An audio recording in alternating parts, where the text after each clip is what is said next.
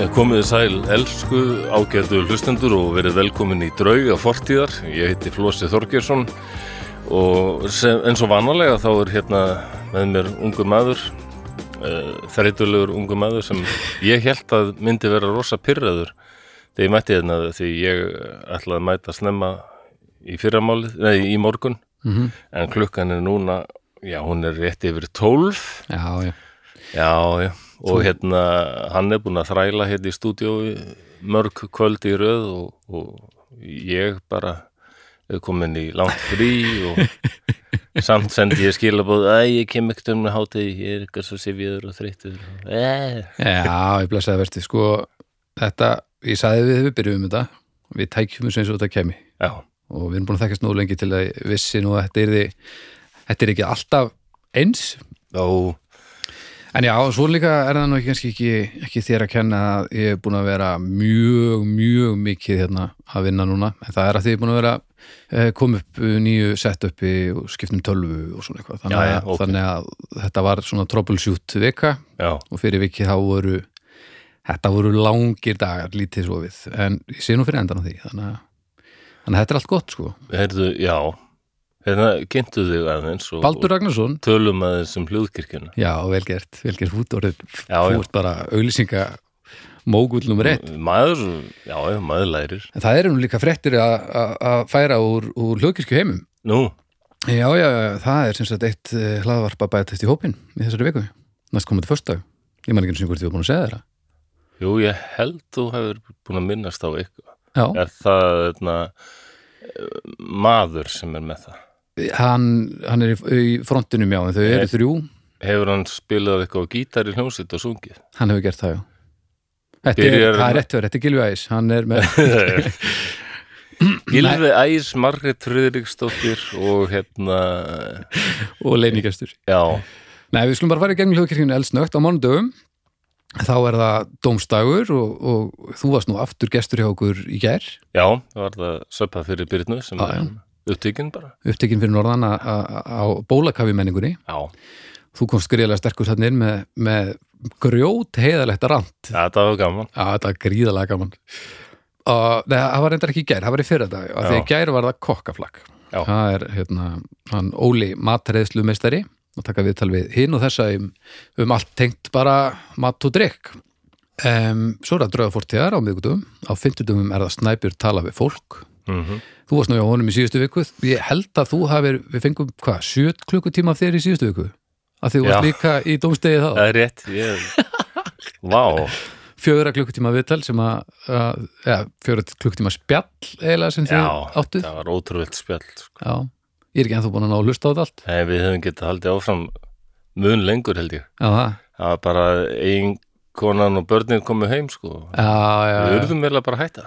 þessar fjölskyldur, Þetta alltaf var- að skemma allt sem er gott Já, já, þetta var alveg þerapía fyrir mig og eiginlega fyrir hann líka, sko. já, hann talaði alveg óbúslega fallega um þetta Já, þetta var, Og það var eitthvað viðbrögðin, magnað í loftinu þarna. viðbröðin stóðu ekki á sér heldur Nei, þetta er fjóri tímar og, og menn þetta er vist, þessi þáttur fengi mesta hlustun. já, en þú veist, ég, fyrir mér er bara fjóri tímar á einhverju eru og land sama hvað það er, Já, sko. ég, ég skil það. en, en hérna mér skilst að ég hefði ránt fyrir mér, þannig að hagliðu mig Já, það getur alveg ágætt að það var rangt fyrir sér stundum. Já. sko. Na, ég slæði mér þessar áþærarna við og einum vinsælasta uppjöstandara landsins, eða bara vinsælasta. það er rétt Ég er svo aldeilis. Já, Hvað hvað fólk fólk trúa elst. sig að það væri svona gott karýrmúf að Já. vera að bugast úr þunglindi Já, fólk er að tengja bara. Ég Já, fengi já. mikið af skilabóðum líka, bara þakkaði fyrir, þakkaði fyrir að tala um þetta. Já, endur að gott hefur Já, en ég er ekki að gera neitt, ég er bara að tala um þetta, ég er bara að segja, Já, já, en það- ég er svona og alveg hellaður, ég upplifa þetta og þetta var alveg ferlegt. Og... Já, ég veit, ég veit að, og, sko, en þú hefur alla tíð gert þetta þannig að ég veit að þetta er ekki mikil, Já. mikil breyting fyrir þig en það sem gerir þetta að því sem það er er að aðrir gera það ekki Ekki kannski alla tíð, en svona er mest alla tíma sem við um þess, Já. þegar ég þá verið frekar, já, já. Ég man allavega ekki eftir í, ég man bara að þeir fannst pínu óþægilegt þegar ég var að spyrja þig út í þetta fyrst en svo Já. tók rosalega stuttan tíma fyrir þig að byrja að tala um þetta Nei, þá er ég svona líka byrjaður daldið að smá, sa- smá, á vissi ég, ég verið þunglindur. Já. Þetta, var tvö- við kynum svona 2003 eitthvað Já, svona. já, og þá vissi ég alveg, þá var ég alveg búin að fá að heyra það Já, ég man að þú varst kannski ekki endilega til í að byrja að tala um þetta strax en ég er náttúrulega, hafði enga skilning á því að því að mér finnst þetta svo áhugavert Já, þannig að þetta- það tók nú ekki mjög langa tíma sko. meðinni en við erum konur á föstu degi þá er það besta platan Já, og nú á föstu dögum frá og með næstkomandi föstu degi þá kemur þátturinn nei hættu nú alveg inn í kirkjunum líka já, það er mér þetta í hug að þetta væri það Já, það er hérna Villi. Villi Naglbítur Einmitt. sem er einn af fáum einstaklingum í heiminum sem að ég hef þekkt frá fæðingu Nú, sem ég er í einhverju sambandi við Já, er hann, hann að sem, norðan? eða? hann sem sagt býr bara í næsta húsi við uh, okkur á stóru lögum uh, og lögum í Reykjadal Já, þegar að ok, já. ég fæðist á húsæk og svo bara beint inn á löga og, og uh, já, ég er búin að þekka þá bræður alveg bara frá því að ég fættist Já, er vill ekki algjör þjóðargerð sem er bara samið fullt af lögum sem Jú, jú, náttúrulega, og alltaf að hann, var náttúrulega, hann kom með nýtt lag sem að naglbítar sem ég heldur þetta að Kári hafi samið en þeir eru alltaf eitthvað að gera og það fór á toppin og rástöðu núna Já, og, já. og það er alltaf svona mikil eh, að, aðgerðagleði myndi ég Já. segja um, en með honum eru Anna Svafa og Viki fastir hérna, liðsstjórar Já, já, Svo komu gestir, þetta er sem sagt þátturinn sem Já. að var einmitt á r- rás 1 fyrir ekkert en rás 2, alveg í miljónar var nú á sjónvarsþætti núna í sumar um, og ég er búin að vera að taka þetta upp alveg í svolítinn tíma við erum búin að gera 30 og eitthvað þætti og nú ætlar þetta þetta hlaðavarp að skríða undir þak kljókirkjunar frá og með næsta fyrst degi er Já, þetta já. sem sagt partur af öllu heila klappinu þannig að, það fer varla að vera pláss fyrir fleiri þætti nei nú eru tveir á fyrst degi, hugsaði þér maður við, Tveir ákváðum á samt að, föstudegi. við höldum nú, við förum ekki hérna, að stúta helgunum með einhverju, einhverju frekari lá, lámenningu við hérna, reynum að halda þeim tærum og reynum Já, En þetta eru dásanlega fréttir og það eru sem sé til 30 pluss þættir nú þegar inn á veitunum sem þið getur fundið og, og, og, og byrjað að hlusta. Þannig að það er, það er fallegt. yeah, En ekki, totally totally. En uh, ertu annars góður? Já, já, Já. ég er það alveg Þrátt fyrir allt Þrátt, þrátt fyrir allt, já. Já, já, ég tóldi byrjaði að taka upp músík sem ég hefist og sálega hressandi Jöpp. Við erum Mína að eigin tala, músík, fyrsta skipta á efinni við, var það ekki hérna sem að við vorum að tala um þetta einhvern tíðan? Jú, jú, ég er búin að tala um þetta í mörg ár Já, Ég er búin það, en, en þegar maður er búin að tala um eitthvað í mörg ár, þá er erfiðar að breyta því að, að gera það. Já, já, en það eru þessi öll sem reyna að hindra mig í öllu sem ég geri, þau hafa svona haldið aftur af mér Já. Æ, þetta er nú ekki nóg merkild stöf, vertu bara áttu þetta bara fyrir sjálfan þig og spilaðu bara þessi lög bara heima hjá þér en Já, ekkert já, vera- En það eru líka langt flestir sem eiga erfiðara með að- að senda eitthvað út í kosmosin í sínu eigin nafni heldur en í, Já, í einhverju hljómsveit eða eitthvað svo leiðis. en þráttur að það hefur líka verið eitthvað afl að þrýsta á, nei, gerðu þetta Já. Gerðu þetta bara og það er mjög öflugrödd, ég veit ekki hvað það er Þú ert náttúrulega fyrir mér eftir fyrst og fremst músikant sko Já, og En Ég hef alltaf verið hljóðfæra leikari ekki mikill lagasmiður sko. ég hafði alveg gleðið mig alveg gríðarlega að þú sért að reyðjast í þetta verkefni. Já, þetta er eitthvað sem ég, ég finn það bara mjög stert ég verð að gera þetta Já. það er bara þessi rödd, hún mun aldrei hætta veit ég, Æ, og ef ég Það verð vonandi þegar þú ert búin að þessu. 97 ára gammal á dánabiðinu og þarna, Já, ég saknaði þess mest að ég gaf aldrei út sóloplötu já, já, já. Ó, það verður svo sorglegt gaman menn. ykkur síðustu orð, langa langa við ég hef átt að gefa út sóloplötu rekka Ertu- mínir, Ertu, ertu, gefa út sól gefa út sóloplötu Já, gott að þú gerir þetta líka að þú verður orðin og gamall sko til að gera þessu almenni skil. Já, já, já. Ég er nú svo staðnæður þroska, ég er alltaf átjónara, þannig að ég Ekki er líkamlega. alltaf ógislega ferskur, sko. Kannski í haustnum er ekkit líkamlega. Nei, alls ekki líkamlega, það er bara, talandu það, þá var ég fyrir sjokki í vinnunni. Ég byrja að vinna á spítala, Já. um, nýrnaveikt fólk Já, um, og það þarf uh, alltaf að fylgjast aldrei vel með, sko, nýrum virki ekki þau náttúrulega síja aldrei mikið vatn. mm Þannig að það er að fylgjast aldrei vel með sko vatninu í fólki sko og hérna, Já. stundu þar bara hennilega að taka vökva úr fólki sko já, já, já. það er hægt á hjarta á fólum og svona ef, ef vatn, ef kalíum natrium hlutfallið í líkamanum er eitthvað ójæmt sko. já, já, Þannig að til dæmis það að drekka allt og mikið vatn getur bara verið varasamt sko. já, og líka að drekka allt og lítið. Vatn er alveg mikilvægt sko. vatn er svolítið mikilvægt Já, það er það. og gott, Já, mér finnst það gott. Mér Ég drekk finnst það mikið eiginlega gott það er sumir sem segja að það sé ömulegt að það sé ekkert bragðaði vatn. Já, já, það fólk er í ruglinu já, mér finnst það.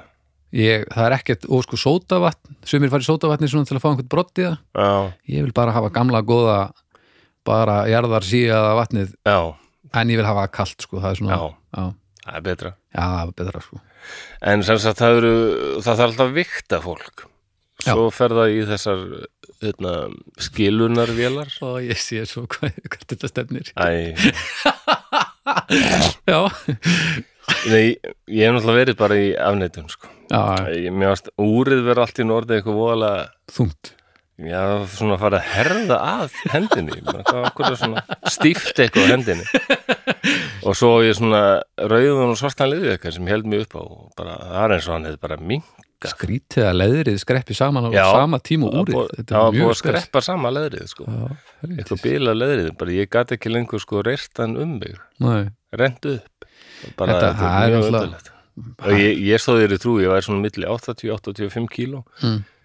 en svo ákvæði ég að fara á s- eina viktiðan þetta, bara einhverju brýjar í Já, og ég kom hlaupandinn á deild alveg bafand út allum öng- öngum heyrðu þessi vikt alltaf frammi, hún er bara eitthvað bilu það, við getum ekki verið að vikta sjúklinga á þessum maður og þetta bara sýnir bandvillust ok og það komið þarna hvað segur, er það? ég gerði með algjör fíbli er það? og fóru nokkrir á viktina ég sínist þetta nú er allt í lagi Æ, æ, æ. hefur þú bara ekki bætt á því? nei, nei, nei, nei, það er hvað þessar vikt Ekki þessi átönulega og svo, það er önnur vikt inn, inn á deild og hún er nákvæmari, farðu á hana og ég fór á hana, nei, nei, og það síndi það sama Ó. oh. þessi er líka bílu Það er ekkert verið en að fá enn nákvæmari skömm nei, ég er 92 kíló það er, 92?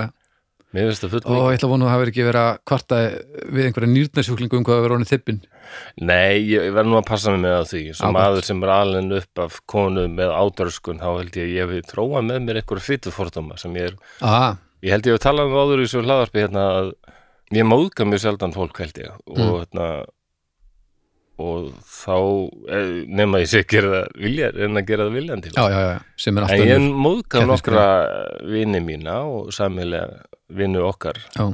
með því að vera ónargætin þegar Þegar tala um sko þyngd og Já, Já.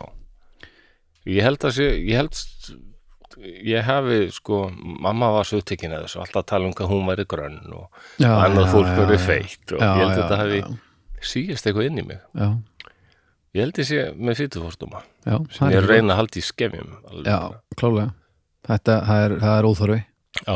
En að en bottom line, mér langar að minka, Þig já, mér langar að komast þína rauð og svarta leiður eitthvað. Já, já, já, Bara- það er gott misjón Og mér finnst þægilegt að vera hóraður. En allir verð ekki bara að vera að reykja tvo bakka dag aftur og Já, gamla húsræði Já, er það ekki Herðu, ég er nú eitthvað að verða eitthvað óheilbriður hérna Já, gamla, þetta hefur nú dugað þjóðinni í mörg ár Reykingar? Reykja vel bara til að grænast Já, það er nú Hvernig er það? Eru land, er landlæknir enn fúll á móti eða Hann er alveg merkilega leðilegur Já, já. Alveg, gatt hann að verið?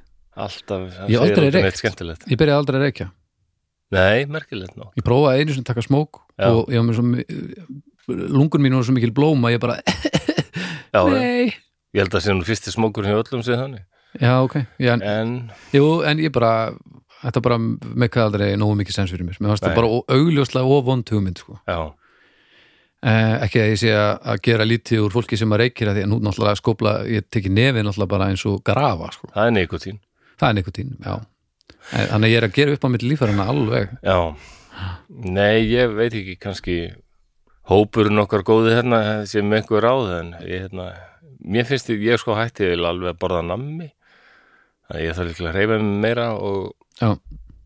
er brauð fytandi, er það? Já. ok. Ertu- Ég, dálítið- Ertu búin að vera já, eitthvað að rúli í deginu? ég lifi eiginlega bara á ristabrauði. Já, ég get alveg já, já, já, við getum Ristabrauði með osti. Ég held, Flósi, að við sem búin að finna allavega hlutavandamálinu. Já, svo fer, er ég náttúrulega duglegur að fara í dregan, býða rétt hjá og fá mér, kaupa mér pítu eða hambúrgara. Ég held, Flósi, Er þetta komið? að við þurfum ekki að ringi rannsóknar Nei, ok. Er það, er það? Ég, ég hugsa ekki, sko. Ég veit svo lítið um svona. Já, eh, þetta er bara allt saman Já, já. svona getið stuðla að því að eh, jakkin mingi. Já, já. Já, neini, það er bara ávestur og græmiti. Já. Og korn.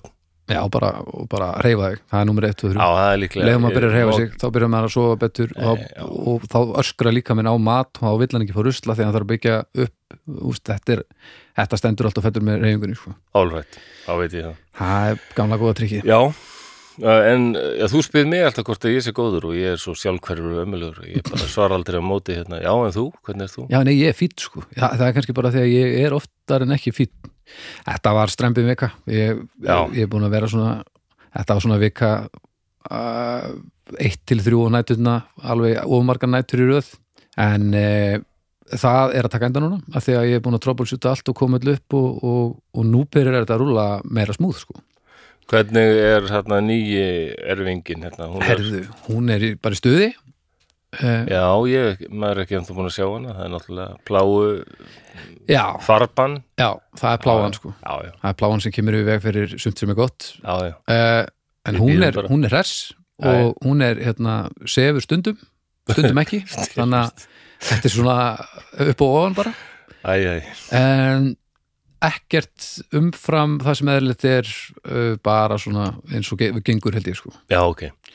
en b- góðu fréttinar og kannski bestu fréttinar í þessu öllu saman að Lilja svo eldri hún er ennþá meirinn til í þetta Æ, frábær, hún Já. er nú bara æðislegu karakter og ég var skítrættur um að á einhverju tímpúti þá fengjum nóg sko af því að náttúrulega nýra erfingi þarf að hengja sig sérstaklega á, á móðurina og, Já, já. og, og á okkur bæði og þarf mikla aðtegli Já, já, hún einhvern veginn virðist bara vera til í þetta finnst hún bara ægilega Nei. skemmtileg og, og nennir að, að svona brasa, brasa í henni og brasa með hann og hjálpa til og, og ég vona að það endist aðeins lengur sko gleðu mig að heyra það Já, ég saknaði Lilju, ég hérna, var gaman að geta hitt hann einhvern tímann Já. Þegar svona, hún tala já, mjög reglulega um þig þannig Já, að við já. þurfum að við þurfum bara um leið og það er ekki mjög vond hugmynd, þá er náttúrulega breyttið þessu já, þegar Þórólfur lefur okkur að slæka þess á Já, Hvað sem við fórum því eða ekki, sko Já, þannig að allt er gott, það er stuttarsvarið þess vegna held ég að já, það er bara allt, Já. allt ljómandi sko. það er flott, ég hérna langar bara að tilinka þennan þátt þá hérna henni veru Líndal Guðnadóttur Já, sammála því sem er, sem er sem sagt kærastan mín sem er að taka slægin vissulega þá, ef við erum eitthvað að tala um það hérna að það sé einhver þreyta og, og við séum að taka slægin til að halda kirkjun úti þá má ekki gleyma því að að á, á hinum endanum er líka fólk sem er að taka slægin sem heyrist lítið af og vera er klálega svo manneskja sem hefur stutt mig hvað mest síðasta hálfa árið í þessu glórulösa dæmi Hún sýnir skilning Nei og líka bara svo mikinn stuðning sko. Já, stuðning Já, stuðning og skilning og, og við erum nýbúin að kaupa sko íbúð og, og nýbúin að eignast nýtt barn og hún er samt já.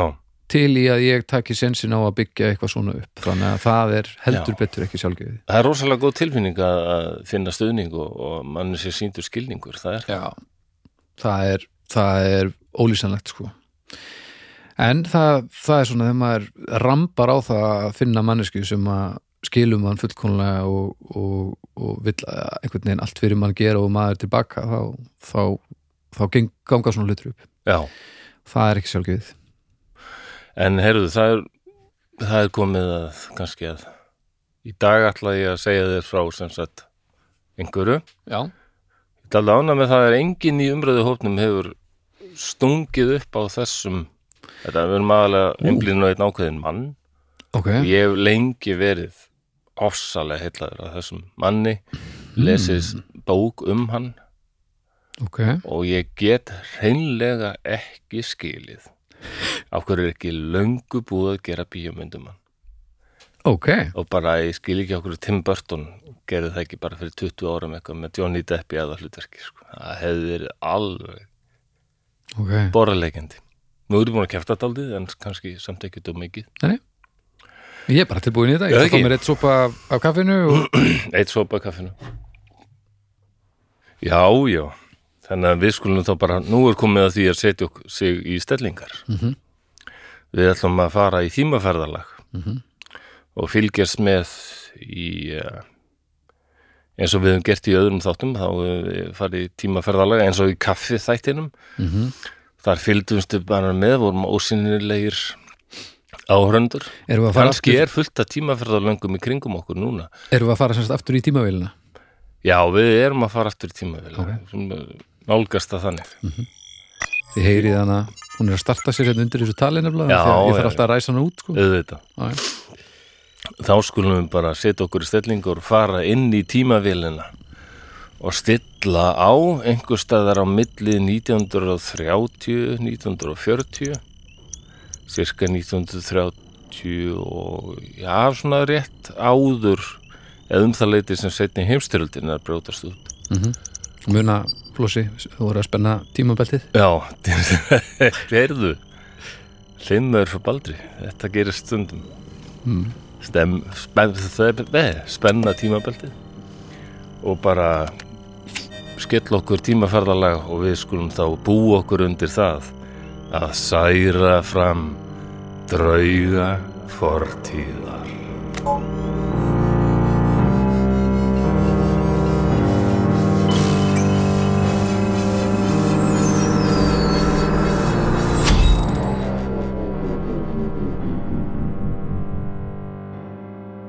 Við opnum augun og komum út úr þessu tímahylki okkar.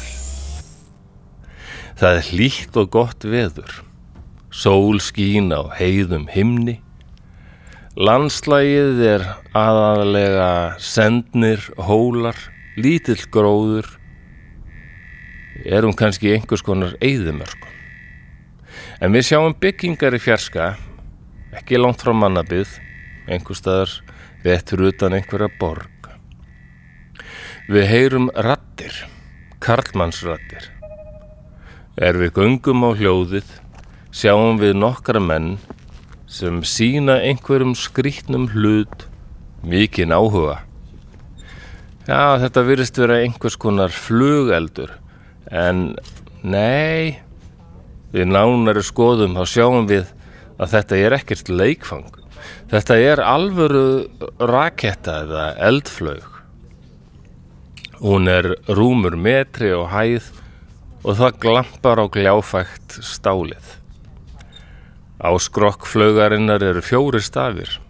N, A, S, A, NASA. Já, Við erum greinilegi í bandaríkunum og mjög líklega á vesturströndinni. Athygli okkar beinist nú að mönnunum. Þeir eru strákslegir, hlæja og eru kumpánlegir hvort við annan. Þeir eru þó allir með nafnspjöld, föst við skýrturnar sem bendir til þess að þeir starfi við þetta. Þeir eru líklega einhvers konar vísindamenn. Nú fara þeir frá rakettunni og hefja niðurtalningu. Spennandi. Þeir ætla að skjóta henn á loft. Það er talið. Þrýr, tveir, einn, skot. Þögn. Ekkert gerist. Skyndilega stekkur einn mannana fram og gengur að rakettunni. Hinnir kalla varnaðar orð en maðurinn glottir bara, snýr sér við og segir Hvað er þetta, strákar? Þið vitið að það er nú ástæði fyrir því að við köllum okkur sjálfsmorðsveitina. Hann fiktar eitthvað við rakettuna. Við höldum niður í okkur andanum og við sjáum að hinnir mennirnir gera það líka. En þessi ungi maður er öldungis óhrættur. Hann gengur aftur til félaga sinna og við virðum hann fyrir okkur. Hann er líklega milli 25-30 ára, myndalegur maður, með lítið og snirtilegt yfirvaraskegg og krullað dögt hár sem hann hefur greinilega fyrir löngu gefist upp á að hafa einhverja stjórn á. Mennirnir telja aftur niður, þrýr, tveir, einn. Rakettan æðir upp í himinin og mennirnir fagna. Setna sjáum við unga mannin kveðja félaga sína. Við fylgjum honum eftir. Hann keirir í opnum sportbíl, reykir og syngur með útvarpinu. Greinilega ungur maður sem nýtur lífsins. Nú kemur hann að stóru húsi í fínu hverfi. En við tökum eftir því að nágrannarnir heilsónum ekki. Nei, þvert á móti, augnar á þeirra er fjandsamlegt. En ungi maðurinn, hann virðir þá ekki viðlits. Hann fer inn í húsið. Við ímyndum okkur að þessi vísindamaður sé á framabraut, eigi fallega konu, kannski eitt eða tvö ung börn Við eldum mannin inn í húsið. Hmm, þetta er undarlegt. Innandýra er ekki eins og við áttum vona á. Þarna er drungalegt. Herbergi eru dökk máluð, sum hreinlega svört.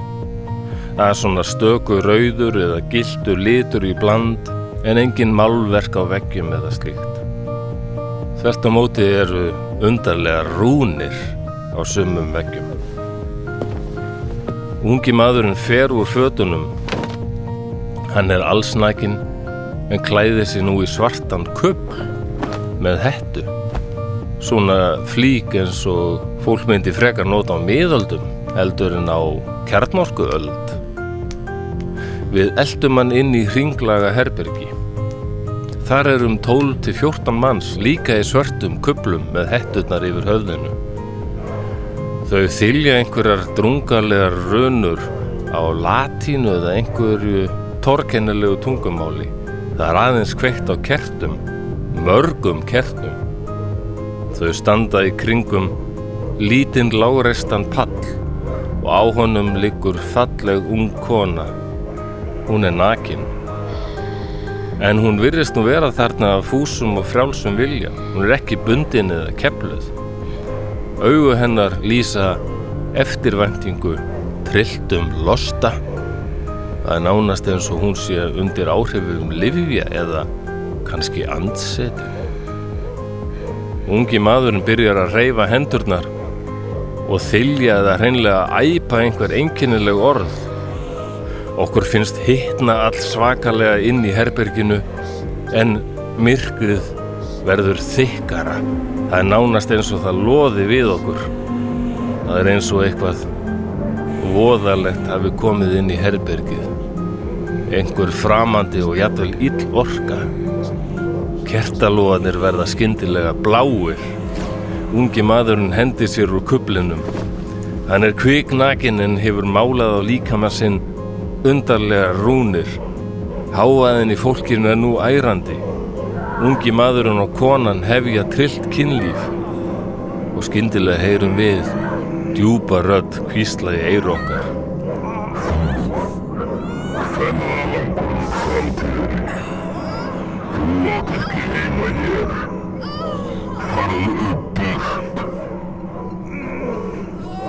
Og áður en vitum af erum við komin aftur til okkar tíma.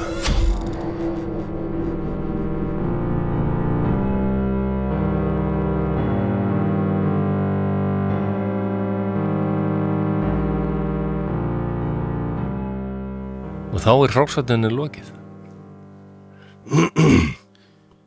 og við opnum augun og nú bara spjöllum við um það sem er að gerast. Já, já. Hvað, hérna, hvað, hvað er í gangi? Hvað? Já, þetta er, þetta er daldið magnað. Ungi maðurinn sem við, já, við erum sérst í Kaliforníu. Um, hvaða ára, ég þarf ekki að segja það.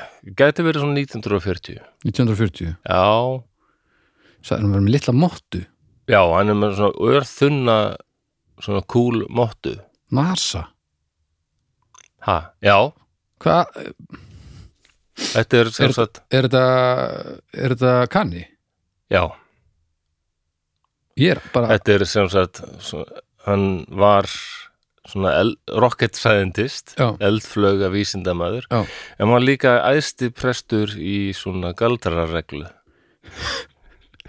sem hétt Ordo Templi Orientis já, og, og læri meistari þessa manns var taldi þekktur maður, englendingur sem hétt Alistair Crowley já, hann er drungi, stuttat, hann hefur fengið drungan hana. Já En þessi maður sem við erum að fylgjast með hann hét Jack Parsons Ok. og ég hef alltaf séð einmitt Johnny Depp fyrir mér í þessu hlutverki, ég held ég hef lesið þetta fyrir svona 15 árum þessa sögu og hún heitlaði mig alveg rosalega Aldrei hirtum um hann Nei, hann er það er alveg auðvelt að setja eitthvað umræðuhópin upplýsingar um hann svona, hann er það þið geta aldrei magnað Já, og eð, ég veit ekki, brjálaði vísindamæður ég held að það eigi líklega ágætt mér sýnist það Já, að það er hugtak, eigi ágætlega við þennan Þú er ekki að hirtum hann?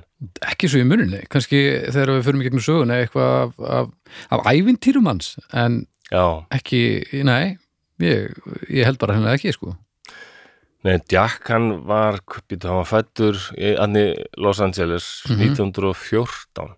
ok, Já, það getur passað að hann sé þá svona 26 ára þegar þetta gerist. Já.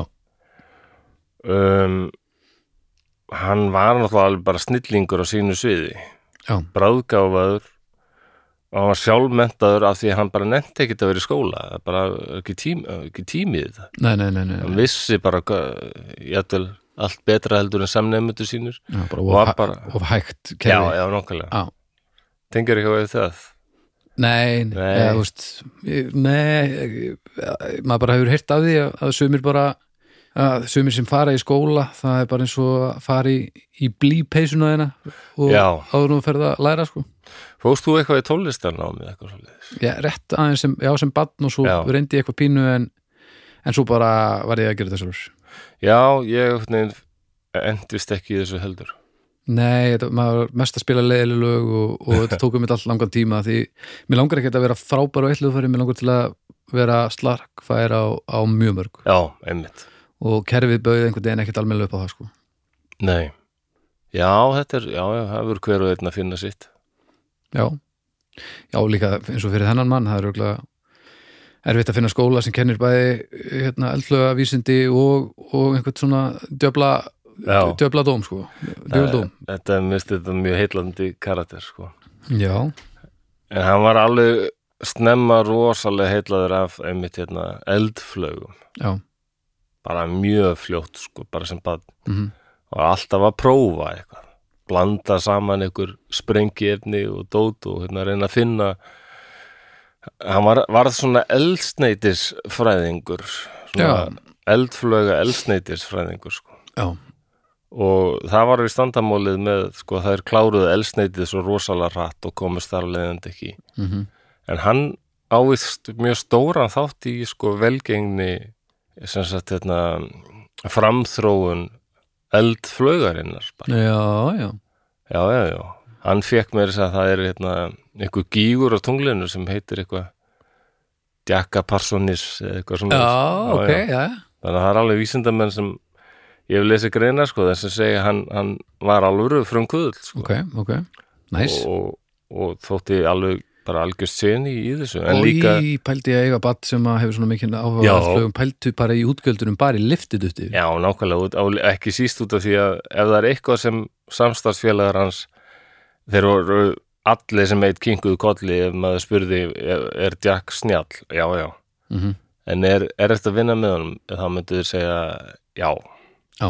Aðalega út af því að hann sko, hann þótti svo rosalega svona hrissingslegur í eh, hvernig hann, eins og í lýsingunni sko, Já. það var hann sem ætti bara rakettuna og byrjaði eitthvað að fykta já, meðan svona, allir aðrir skítrættir um þetta springi í tellur. ekki protokólmaður skulum við segja, Nei, hann, ég, það er hann var svona alveg nú nálgast setni í þetta. djöflamessu þannig að maður Já. verður að græja þetta Já, mér finnst þetta svo ótrúlega heillandi kontrast, sko, bara að vera svona vísindamaður og koma með samning við NASA, nóa peningum og svona, mm og hvað gerur og kaupir bara einhverja villu í Mhm. fínu hverfi en ekkit fyrir kæristun og börnin heldur bara fyrir alla, -hmm. kubla vinnina já, gublavinnina já, galdrafélagið já, galdra félag og þau voru já, já, uh, ég var Og það er stóðlega stund- galdra félag, Lósi svo eini sem myndi ekki lítið út fyrir að vera algjör fáviti er þú og það er að því út með þessa rödd já, kannski og svona sköllett svona, sýtt Já. aftan og, og lítið og upp á toppi nákvæmlega, það er veistla í, í, Já. fyrir galdrana sko en, já, en þetta er bara þú og larparöðnir sko Já, allir það ekki. Ég, mér er alltaf séðin að satanism og svona sem mikið larp, sko. Ah, Já, auðvitað er það Anton Lavey vissi það líka Já, já, Hann var ekki vissi, að þykjast sko hann vissi það alveg. Já, Um, Jack, já, en hann var, hann var sem greinlega að leitað einhverju öðru heldur en bara vísindin sko. hann vildi finna eitthvað svona andlegt líka ok uh, hann var aldrei hrifin af marxisma mm. en svo bara mista hann fljóta áhuga á pólitík þegar hann komst í kynni við hérna þessi dullspeki 19. aldar mér finnst þetta svo heitlandi líka á þessum tíma og líka eh, 70 áratugurinn 70 áratugurinn 50s og svona það er þessi, þetta kjarnorku kaplaup og já, já, þróa eldflögar og þarna, að þarna í þessum manni mætast sko einhver svona dulspeki 19. aldar, svona mystík og galdrar og svo bara reyna og klár svona vísindahyggja nákvæmlega vera sko, hann er bara mjög framalega í heimi vísundana Já, og það er mikilvægt að, að aðeins að hafa þessa þessa tvo þætt í huga af því að ég, ég kynni hérna, já ég, ég nefna bara núna, það kemur til sögunar í þessa sögu mm. maður sem er mjög frækt nafn það er, það er spurning hvort þú þekkir nafnið úr hvorum heiminum já, hann tengist þessu bara og einmitt þarna Sérst, eh, kemur hann úr, er hann galdra, galdrakall eða er hann já, hann, hann vísindakall kemur inn í þessa galdrareglu já, ok, þessi maður hét L. Ron Hubbard já, kannastu þið? já Já, hann stopnaði fyrir bara sem er, já það er vægast sagt smá umdeilt. já, vægast sagt Það er við nú erum að tala um vísindakirkjuna. mm Svo ég farið bara beint í það, þá sko Elrond, hann lærir rosalega mikið af Jack mhm. og þar af leiðandi daldið af Alistair Crowley. En Hubbard er, hann hefur verið að vissan haft aldrei svona kætni og slægar heldur en Jack sem virðist að hafa verið þráttur allt kannski pingur meira svona næf já, og, og náttúrulega bara enn meira eh, ég ég er svo sem veit ekki nákvæmlega eh, nógu mikið um hennar mann sem er út að fjalla hérna en, en höpart var líka svona í sértrúar sopnaðar gýrðum alla leið sko og það telja margir að hann hafi þarna átt að segja á að það er ruggla að vera hald og lofti ykkur svona 19. aldar mystík mm. á þessum tímum Mm við þurfum að stopna einhverja aðra reglu sem einblýnir á um eitt já, vísindi og tækni og þarna hafa hann eiginlega fengið hugmyndina að bara sinni eigin já, reglu sem þráttur allt er líka með eitthvað svona einhverja leyndardóma og, og, og þú, já, þessi tæki, tækið sem að þú já, hérna, yfirheyslunar hana og, Jú, og, jú. náttúrulega- og vísindikirkjan náttúrulega byggir á því að þú segir frá öllu Já. þetta á gal opnaði og þá býr vísindakirkjan yfir leyndamálum sem þú vilt alls ekki að, að frettist og þú þarft að borga Já. þetta er náttúrulega snýst rosa mikið um peninga já, já, en Jack var heldur ekkit rosalega peningagóður sko, hann, næ, ok hvað tvís á, á já, öllum sviðum og bara. Králi sá hann voðalega mikið sem svona Králi var bara þarna orðin frekar gamall og, og veikburða í London já, og var alltaf að reyna að væli í Jack að að senda sér peninga já, ok og það er aldrei merkir þetta að Crowley þótt hann hafi ekkit hitt Ron Hubbard Mm. þá varaði hann Jack við honum það bara, mér líst ekki á hvernig þú lýsir þessum gauður, ég Já, held þú já, ættir já, að passa já. þig á honum já, en það kom það á daginn sko já og það er með ólíkindum að, að maður sem var uppið þessum tíma sé idolizer eins og hann er í- innan kirkjunar þarna, vísinda ég hef aldrei fatt að þetta fyrirbæri sko Þetta er illa gallsúrt dæmi yfir. já, ég bjó í Kaupmannahöfn í, já, 6,5 ára eitthvað og hérna þá voru höfustöðar vísindakirkjunar í Evrópu voru þá í Kaupmannahöfn sko. Mm. bara niður í bæð og gekk maður stundum fram hjá höfustöðunum Mm og það var stór gluggi Mhm. og maður horfði inn úr gluggan og það var bara skrifborð -hmm. og svona sá vel einhverja skrifstofu Mhm. og skrif, skrifborð og maður sá bara nafnspjaldið það stóð bara L. Ron Hubbard Mhm. og þetta var vist sk- gamla skrifborðið hans og þetta Ok. var bara svona eins og einhver sapgripu sem maður gætt hort á Já, af nákvæmlega götunni Já. og það var alltaf að stoppa mann eitthvað fólk með undarlegt bliki í augum Mhm. Herru, vilt þú kannski koma með og fá þér Fyrir mælingu? djús og e- eitthvað svona Komum brauð á- mælingu? He- Heitir er ekki kallað fyrir mælingu eða eitthvað? Jú, ég var eins og með krakkana mína sem voru þá, ég veit ekki, 35 ára eða eitthvað, Já, bara niður í bæðu þá kom bara eitthvað fólk og, og, og hérna, halló, hérna, viljið þið ekki koma að fá okkur djús og eitthvað svona, eitthvað sætindi og hérna, Þetta, og krakkarnir, já, já og ég bara náttúrulega e, byttu hver eru þið bara, nei, nei við viljum bara bjóða ykkur í smá spjall og þau voru með eitthvað svona skrítið bleiki augun ég var bara, meðan ég væri bara komin inn í ómenn eða eitthvað Já, já, já og ég, nei, veitu hver eru þið við erum frá vísindakirkjunni já, nei, veistu, nei, nei Bara eigum við inni já, els takk, Elst takk els takk segja danir sko, þeir eru takk en nei takk það er svo, Já, ellers já, takk já, já. els takk það var rosalega undarlegt fólk Þetta er skríti, skríti batteri og sko svona grunn pælingin þessi saga, ég þekki hann nú ekki alveg nógu vel en South Park gerði nú góðskil í einhverju þættinu já, Það er ljóta djöfla síranur Já, já, allt, það ég sá ágæta heimildamyndum, ég man ekki hvað hann heitir finn það að setja á umröðhópin Mm. um vísindakirkjuna og það er viðtal við, held ég, Lea Remini held hún heiti það mm.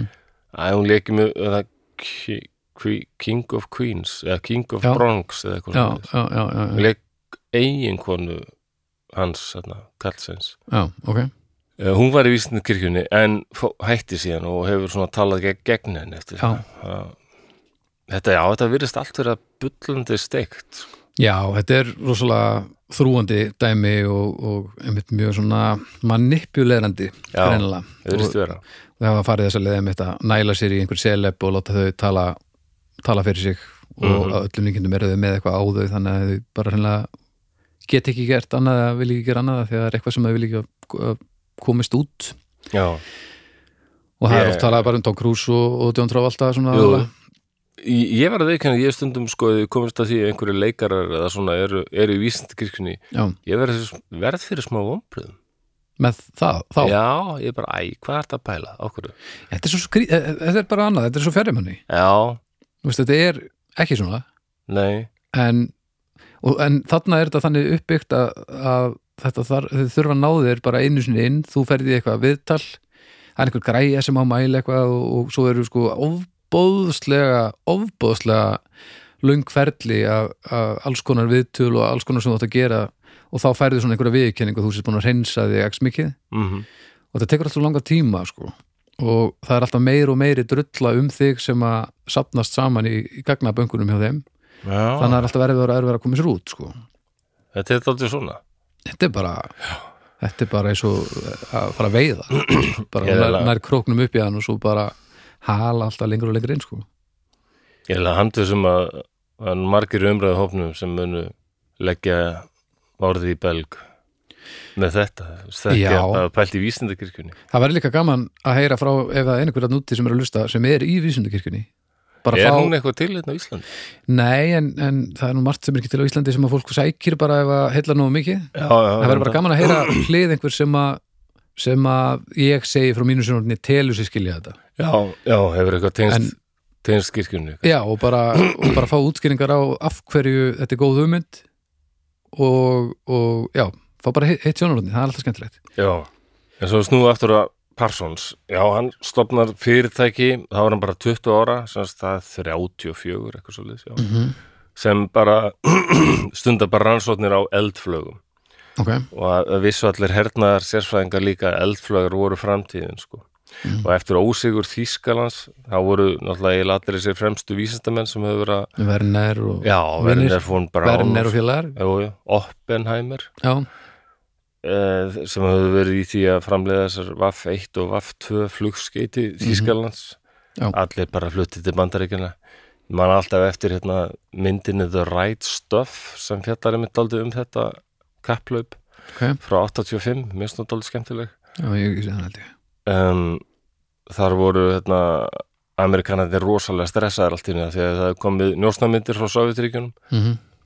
og, og þeir vissu að Sovjetmenn voru, varu búnir að senda sko út í geim þeir voru Já. undan alltaf Sovjetmenn Já, já, já, já. Sputnik, Já, Sputnik já, og hérna og það er njósna njósna myndir frá Sovjetríkjunum þeir að skoða það og svo að sést á myndunum einhver svona sköllóttur svona dálítið- mjög nasistalegu kall já, og þeir eru bara, hver er þetta? Að þetta er þýskur þýskur vísindamæður sem þeir náðu eftir stríð mm og þá segir ég þetta, hvað eiga þeir þjóðverja líka já, nákvæmlega og þá segir ykkur annar, já, þeir gera það en hafði ekki á ykkur, okkar þjóðverjar er miklu betri það er, það er svo skrítið með Dr. Werner von Braun já, það er svo leiðilegt að hann sé svona ótrúlega stert afblíðis öllu saman já, og hafi verið nasisti já, ég veit ekki mikið um hann en hérna, hann er sko hann, það er minnst á hann í þessari bók ok, og að Jack og, og Werner ef mann rétt þá, þá voru þeir sko og svolítið heitlaðar af svipuðum hlutum sko mm. og það var ég held fyrst að þetta væri Werner sko, já, í lestrinu og það, ég held að það sé örgulega Werner sko, jú, von Braun það var eitt hlutur sem hann fekk alltaf sendan frá bandaríkjanum jættel meðan stríði var í gangi mm það var bara, getnum einhverjum millilegðir sendi svíþjóðar og það er neyðu til Þýskalands mm. og hvað skildi það nú hafa verið? Já, það var bara eitthvað tímarit sem héti eitthvað Amazing Tales, eitthvað svo liðs Mm. bara eitthvað svona science fiction tímarit já, já, verðin er varð að fá það, sko að sjálfsög það var mikilvægast, sko það er, það er lag sem að Tom Lehrer, þekkir hann Já, hann, hann var efnafræðingur og, og, Já, og, og, fyndinn mjög fyndinn og pínuleikari og Já. samdi fullt af lögum og það er, þetta er eitt af þessum svona stand-up eh, svona stand-up dót sem einhvern veginn virkar bara í dag ennþá, hann var svo Já, ofbúslega ok. beittur, Ég þarf að horfa á það Ég hef Það- ekki hort mikið á hann, sko það er til mjög mikið af, af hljóðupptökum á honum sko Já, og þar syngur hann einmitt lag um Dr. Werner von Braun en hann var s- smá svona, já, brottur í honum Já, mjög. Once rockets go up, who cares where they come down, it's not my department, says Werner von Braun. Ah, Já, ok Já, já, já. Já, Það ég er hef allt tekið drifið í sig, tómlega, alveg. sko Já, ég skal sko glöðin tómleiri Já. á umræðu hópin, það er heldur betur komin tími til og það var einhver sem gerði e, þátt um tómleirir fyrir held ég rás eitt fyrir einhverjum árum sem var frábær ég veit ekki hvort það sé aðgengilegt einhverstaðar en Já, mikilvægur maður sem að við, við hérna, ég kem með inn á umræðu hópin Já, en eh, þetta er nú áður en þjóðverðarnir koma til bandaríkjana og hérna, já, hann er þetta réttum maður á réttum stað og hann, hans helsti hæfileiki það var eldsneitið mm og hann var nátt mikill að virðinga með að félaga sinna og þótti eiginlega bara algjör snillingur, það er svona mann datt í hug. Mhm.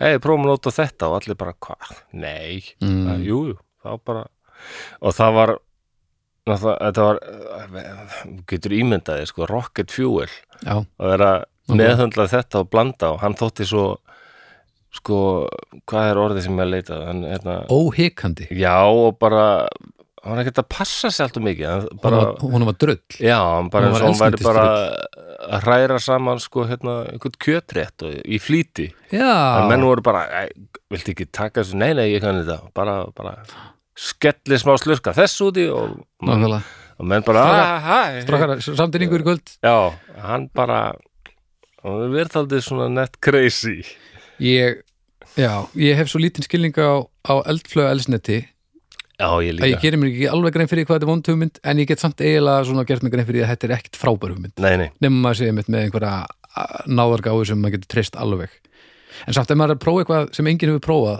áður, ef maður gerir eitthvað í alveg fyrsta skipti þá skiptir kannski ekki út um máli hversu kláru þú ert að það getur alltaf fókast upp já en það- pældi ég að það er svo margt í kringum okkar sem maður hugsa sko er, lí- hvernig datt fólki í hug kannski að prófa að smakka eitthvað, allir þetta sé eitrað eða gott Já, nákvæmlega Það eru margir sem að margir kjánulegu döðdagar fyrir Já. hvern góðan skrítin rétt sko.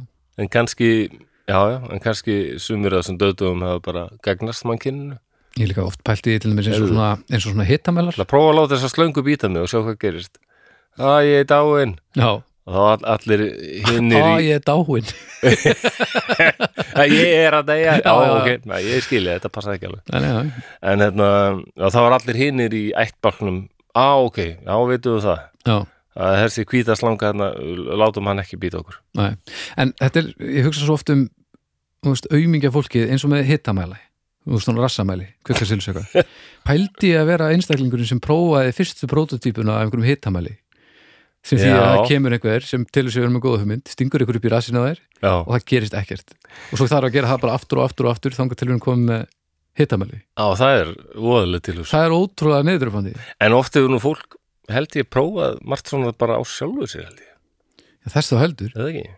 hvað heldur bara herra hittamælir, hvað fór hann í gegnum marg, Já. marga típur hann er hryllilega umur Já, og svo er ekki kvikarselfur í þessu, það er bara neitt Nákvæmlega, ef þetta er ekki almennilega þú veist, það er stutt á millið þess að vita hvort þú sett pínu slappur og að vera með fullt raskat kvikasilfri sko. Já, já en góð hugmynd, Já, já. þetta með kvikasilfri sko. ég sé það ekki En þeir sem stofnuðu, hann og vinnir hans sem stofnuðu uh, þetta fyrirtæki, þeir voru margi hverju svona, já, þeir voru svona hálfkæringur og þeir kölluðu sig hérna Suicide Squad Ó, pyrrandi, á Atafra, ó, sko. þetta er óþóldi Já, þeir eru svona, það voru aldrei svona amerískir gæ- eða gæjar og ég bara þetta er svo áhugaverð saga af hverju eru þið ekki búin að gera bíómynd um þetta, hvað, þetta er æðislega bíómynd Já, heyrðist það já og Þetta voru teipakallar, ameríski teipakallar Já, og svona, já, svona gaurar og veitna, og svo kemur þetta svo furðulega, Hva, hvað er hann að gera líka í þessari, þessari reglu Já, og enda átti það eftir að draga dilku eftir sér sko, það var ekkert mikil stemning í bandaríkjunum þessum tíma fyrir ykkur svona nei, og þessum Svona- tíma var aðeins hérna. einna galdra satans uh, kynlífs Mhm. reglu það var mikið svona kynlífsgaldrar þau trúðu því að, að sko, kynlíf væri orsalega hendugt við að galdra eitthvað og ég ætla særa fram einhverja djöfla Já, já, já Og rökin eh, voru hver hraða þessi eitthvað svo mikill kraftur sem losnur leðing, leðingi þegar Ok, fólk er að rólegur, ofmennast Þú veist, þetta er, já, þetta er kjánagangur líka eða, Þetta er léleg, já, þetta er léleg rök fyrir, fyrir lélegu, lélegri hugmynd. þið eru aldrei dottið í huga að prófa eitthvað nýtt og, og bjóða kannski 10-12 góðum vinum að standa inn í Sveitarviki með Til að kufli- galdra. meðan þú og kærastan er að Pældi ég, Lord of the Rings, ef Gandalur hefði alltaf verið að kippa í hann til þess að geta lumbrað á ballarokinu með eitthvað, það hefur hillilegt. Guð, hjálp, þetta eru næstu helgispjöld Já, það hefði verið það, allavega. Já, það það er svona sjálfsrófnakaldur sko. Ég held að þurfa að vera bæði sko. Karl og kona, það er eitthvað svo frábært í Union og eitthvað svona ég tekki þess að galdarspeki ekki drosalega en ekki. Mæni, ég man þegar ég var ungur og vitlaus og menn voru að prófa einhver efni og svona, það voru sömur vinna minna voru ofsalega heldteknir af králei já. og leggja ykkur svona tarotspil og svona Já, já, maður mann eftir í að, úst, allt þetta vikka dæmi og, og, og allar þessar típur á göldrum, sko. Já. Og þú veist, oftar en ekki þar maður allsbyr sem að í sumum tilfellum þá, í sumum tilfellum er það bara svona tenging við náttúrun og eitthvað í svona léttari Amen. galdraflóru, sko. Um, Já, já, en, en hinum einn þá er þetta bara léleg afsökum fyrir einhverju grættu sko. já, já eins og Satan vilja eitthvað úr sitt allspyr ég held að hún sé dröð sko. þannig að Já, já, þetta er svona já, miskjánulegt já, já Það er eitthvað heillandi við þetta já, já, já, þetta er alveg rosalega áhugavert en eins og svo margt annað maður verður að passa sig að, kannski að fara ekki alveg að trúa hlutunum þó þú séu áhugaverir Já En þess, Ok, þessi galdraregla Já, það er rétt, þessi galdraregla En það erum við ma- með mann sem auðvitað var óslega vel gefin Þannig að Já. það er Já, maður við erum svo sem alveg búin að sanna það í þessu þáttum held ég að vel gefið bara greindir giftir yngur bóli Nei, nei, hún er ekki nóg það er ekki Nei. nóg að vera, vera velgefin sko. nei, nei til þess að þú getur alveg alveg að letst eða bara fundið þig í einhverju bulli þó þú sitt vel gefin sko. og stundum þess og heldur ég meina þú veist með algjöra náðargáfu í einhverju ákveðnu Já, þá stundum bara kemur hann niður á öllu hinu en hann verðist nú að hafa svona samskipta hæfileikan er að lægi og hann er ekki það það skrýtin, nei en, en hann var svona dálítið litið á hann sem svona furðu fuglin yngur svona sérvitran og Já, já, svona já. nettbrjálaðan sko, en snilling já, ok, og hann var það það er bara ágætt lýsing á honum kallgreinu Já. en Králi fattar þarna hann er hann komin í samband við mann sem á peninga sko Já. og, og Králi gerir sem sagt Parsons að hérna leiðtói þessum söfnuði sem heit Ordo Templi Orientis mm sem, já, já, králi aldeilis, já smá já. típa þar það er líka nú alveg þetta taka þá, heilan þátt um hann sko já, hann er típa Og það var stert í þessu králei göldrum, sko, að kynlíf væri samstæði, já, eins og ég sagði, eitthvað tæki já, kemst í samband við verur og öðru tilvistastíi og, og þessna þarstu stundar mikið kynlíf já, já, hann var, hann var mikill tróðakall Já, og þess, þessi klúpur þarna í þessari villu þarna í, í Pasadena í Kaliforníu mm -hmm. um, varð fyrir ykkur óvinnsæl með þann nágrann hann Ég var ekki stemmari fyrir Nei, það, sko, það þurfti að halda alltaf mikið á orgiðum sko, og því fleiri sem stundar kynlíf og því, því meiri orgið og læti sem það var því meiri líklegri vestu til að geta kalla fram ykkur rosalega veru Ég- það fer einhver samt sagnum að því hvernig það tók var sem sagt verið að reyna að kalla fram eitthvað að lið Já, eitthvað, einhverja, einhverja verur öðru tilistast í ja, Og þetta- innans, innan gæsa lappa einhverja djöfla sem Já, þetta hallaði alltaf niður á við frekarinn upp er það ekki? Já, þetta var frekar svona eitthvað drungalegt sko, Já. eitthvað vararsamt og en Þannig það að var sérst mikill hamagangur háaði þarna í þessu húsi á öllum tímu sólarings og þetta var ekki vinsælt. Pældi hvað þetta er kjánalegt Já, krakkar, við ætla að bjóða öllum heimsum svo Já, hjökkustu bara þangað til Lucifer mætir En það er náttúrulega Já, Lúsifer. Þú veist að að það er einu sinni minnst á Lúsifer í biblíunni og það er ekki eins og djöfullin. Lúsifer var einhver konungur í Babilóníu Mhm. mm, sem færðist eitthvað of mikið í fang mm. og það er bara eitthvað ljóð eða svona smá svona ljóð um hann ó, Lucifer how far you have fallen eitthvað Mm. en, uh, og, og, og það þetta því bara ljósberi og Lucifer í daglegu tali er náttúrulega bara nafni yfir Venus bjartasta stjarnan sko Mm. það er bara, þetta er bara eitthvað frá miðöldum sem þurfti að fara að taka fram djöfulin, það var svo gott að hafa Já, einhvern- já, það er einhver- fallengillin eða eitthvað, búið til eitthvað djús já, það var- fólk verður að vera hrættið eitthvað ásálsug Það er voru ekki hræðislegt allir með alveg. grílu, sko æðislega, æðislega stjórntæki sko, og bara æðislegt tæki Já, og svo hernaðið þess að gera óvinni hrættan, Já. ringlaðan já og búin að vinna, sko. það nákvæmlega er bara eiginlega þannig Já, þannig að já, já, en sko um ekki að Jack Mm. mm. ama ég hef verið til í að hitta hann líka ok en já, Myndur við hitta hann myndirðu nágrana er vilja hitta hann í vinnunni eða að á ringja kvöldin? um, já, það er góð spurning Já. ég veit ekki Hann kannski Ég vil vel að með fylgjast upptekinn með á hvora kvöldin. Ég vil að fylgjast með hvora tvekja sko. Ég hef mikið áhuga á vísindum veist, skemmtilega, en ég er alltaf alltaf veikur fyrir svona mystík og dulúð og göldur Samfara göldurum Já, ég skil það nú ekki alveg sko. Nei, nei, en já, ég er á samanlega samt því Já, já. Þetta er áhugavert allt saman, sko Já, já, en en það er eitt að sko nágræðanir pyrraðir og hérna hérna, eitthvað fólk er hingað það er ekki hægt að sofa hérna, fyrir hérna anskoðna Fyrir frið. svall og læti og þetta er ókristilegt Það er bara að vera að breyma hérna Já, en málið það er náttúrulega að Jack hafa, voru náttúrulega daldið fylst með honum sko, því hann var á mála hjá NASA og var að framleiða eldflögar, þetta mm hann vildi enginn að hann færi bara allt inn í sovjíska sendir og það fór sér kaffi og eitthvað, spjallum starf sitt Nei, nei, nei, þannig að það var fylst með þessum gaurum sko, já, já, og, og FBI fara síðan að byrta hérna að þessi Parsons, hann, að- hann er nú eitthvað skýtingur nú, já, bara eitthvað eh, já, eh, galdrar kubl, kynlífsall það er bara, hæ?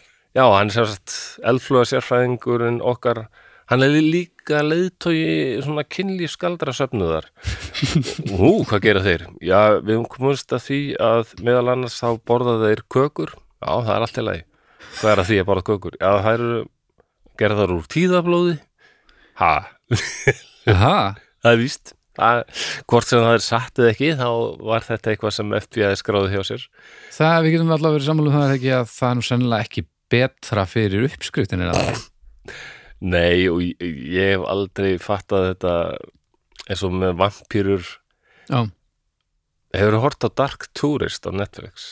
Nei. Það er æðislega þetta Dark Tourist Já, það er bara góður sem er að ferðast um og skoða eitthvað svona annað. Herri, jú, jú, jú, jú, jú, ég hef vort á það Hann fyrir svona þetta Jeffrey Dahmer gönguferð um Milwaukee. Já, og hann- og hann hittir hann að vampíruparið Já, Já, já, jú, ég hef séð það emmitt það fólk. Já, Og svo er eitthvað svona vampíru lið í New Orleans. já, Það er eitthvað ungu strákur og eitthvað svona eldri kall sem er að stinga hann og sjúra hann blóð. Þetta er eitthvað, eh. já Og ég hef aldrei skilið þetta fascination með blóð.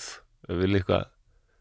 Ég hef Nei. líka séð svo mikið blóð, bæði eh, vunnið sem sjúkralið og blóðið er bara ekkert það er ógeðslega, vond líkt að því og það verður fljótt ossalega svona stikki, hvað er það á Já, Ísland? svona, það bara hleypir í kekki og storknar og verður svona skrítið þrýfa sko. þetta og svo þetta getur þetta verið maður þarf að passa sig á þessu, við erum með hanska og allt og En það sem heillar sko fólk við vampírunar er ekki blóðið sem slíkt heldur það er þessi frigð sem fylgir því að þurfa alltaf að finna sér blóð, þú veist Já, og þetta er alltaf svona rosalega sjarmir að einstaklingar, lifað eilífu, alltaf eitthvað hei hei uh, en svona brotturinn er að þau verða að ná í eitthvað sem er bannað að ná í og, og verða að neyta sér á móti um eitthvað eins og sól sem að, Já. sem að margir fíla mjög vel og kvítlug sem er náttúrulega bara einna hápunktum uh, tilverunar já, já, þannig að merkilegt Ég held að þetta snúrist ekki beint um blóði, Nei. þetta snýst meira um bara svona einhverja rómatíki kringum kontrasta sko. Já, en, já, ok, hjá þessu nútíma vampýrum Þessu nútýra, svona vampiru áhuga fólki, ég veit nú ekki alveg hvernig vampirunar sjálfar Nei, nei, nei sjá þetta sko. og þessar aristokratíu vampýrur eru víst það er eiginlega bara hana, Bram Stoker Já. sem kemur með það með Dracula Já, já, já, já, allar þjóðsögur eins og frá Rúmeníu, Búlgari og svona já, um svona blóðsögur, það, þetta er bara algjör ófreskur sko. já Þetta er ekki og einhverja líka aðeins kemur tóka. bara upp úr Elisabeth Bathory Já, og þessu ógeðu öllu saman. Jú, jú, einmitt það er rétt Já, það er rosa karakter líka það er alveg Já, vægast þetta. að taka hana fyrir ykkur Já, maður. En Elisabeth Bathory, hann er að vita hérna í ungverska greifinju á held ég 16. öld sem Já, var samfærð um það að hún þyrfti alltaf að baða sig hreinlega upp úr blóði hreitna meia. og það er sem sagt þorp, sem sagt þorp, það er bara að vita hvað þetta var og Já, allt já. saman og, og, Hún var dæmd sko já, já, og hérna það talið hún hafi Það er ekki- ja, það er ekkert vitað um fjölda sko, nei, nei, það talið ja, geti ég allveg skipt tugum ef ekki bara hundruðum sko. hundruðum sko. Já. Guð mig góður. Já, já hún hefði bara akkur fór hún ekki bara í bað hætti þessu Já, þessi kleðpátra bara fara, fara í baðis upp um mjólk sko. Það er bara- já en mér sko minni skára Það er aðeins skara. það svona kemur aðeins minna niður á kannski samfélaginu Já, já. Já, já. Þannig að, já, tí, kökur og tíðablóð. já, ég veit ekki ég, þetta verður að vera djöfull góð uppskrift til þess að ég kaupi þetta sko Sko, vinkon mín, hérna, hún vökaði blómin sín reglulega með tíðablóði sínu. Hún var svo vissum að það, hérna, rósirnar hjá henni yrðu rauðari en...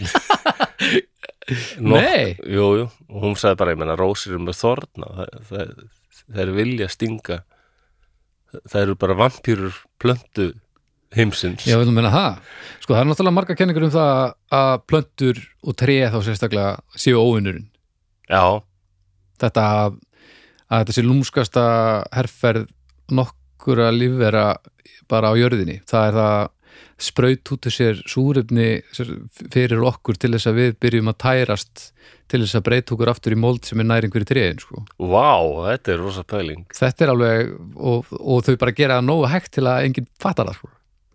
og við alltaf eitthvað að planta fleirum og eitthvað eins og Já. fíbl sko. þetta er fín, fín pæling sko. en ég veit ekki alveg með kannski þá þá ættum við kannski ekki endilega að vera að vökva blómin okkar með blóðin okkar sko. Nei, en það, fólk prófar alls konar. já, en voru þetta fína rósir eða? Já, hún held ég fram að þetta var rauðustu rósir sem hún geti fengið nokkust af. ég get allavega ekki, ég get ekki sagt að ég get, hafi afsannað þetta nokkuð tíma en að, Já, en þannig að FBI sem sagt þeir og, og að- sem sagt, þau voru að gera þetta allt til þess að komast í samband við einhverja djöfla og drísla. já. Ok, þeim þeim var kannski sama þannig séð um þetta. en þetta er En samt rétt þetta- áður en Satanic Panic byrjar svona sem Mm, já, Er hefur þetta í það ekki upphafinu? verið bara viðlóðandi alveg bara frá, frá sérstaklega bara frá 16. öld eitthvað, bara alltaf svona. jú, en það er oft Upp talað um, og ofan um svona. þennan tíma í bandarækjunum ég held að það hafi verið 50-60 eitthvað Já, byrjar að það fyrra. er, það er rétt. Og svo kemur svona líka eitthvað í 80s, þá er þetta Dungeons and Dragons og já, það var að, svo kemur Harry Potter, þannig að mér stið alltaf vera poppuð. já, já, Satan alls það, sko. já En, en það aðalega það FBI bara fannst þetta benda til þess að hann væri óáreinalegur maður sko. og þeir þyrftu að passa sérstaklega upp á hann hann væri kandidat í að geta kannski lekið upplýsingum og, já, svona. já, já já, já, maður skilur Já, það svo já. sem alveg svona einhver leti og einna, Jack hann náttúrulega stundaði hann var giftur, átti konu sem heit Helen ok, og hérna þau náttúrulega voru daldið svona aðalparið í þessum klubbi og mm Mhm, -hmm. voru mikið í því að stunda þetta kynlíf sko. En svo gengur ung og falleg kona til liðs við þetta orð og templi orðið mhm. sem heit Sara, yngri systir Helen. Og hún er eiginlega svona smá svona femme fatale í þessari sögu. Mhm. Já, ok því hún var ásalega ung og, ung og falleg og og hún vildi verða ra- aðeins meira ráðandi og verða svona aðal konan í klubnum Ok, og þá þurfti hún náttúrulega einblínu daldi við aðal gæjan já, sem var Parsons þannig að hún fór bara að reyna að stela kallinu frá systur sinni já, og Jack virðist hafa verið já, svona næf, hrifnæmur já og Sara átti auðvöld með þetta hún Ok. bara vafði honum með fingur sér sko og ok, hún var un undir 20 ára þetta var held ég bara Já, átt, 17, 18 sko.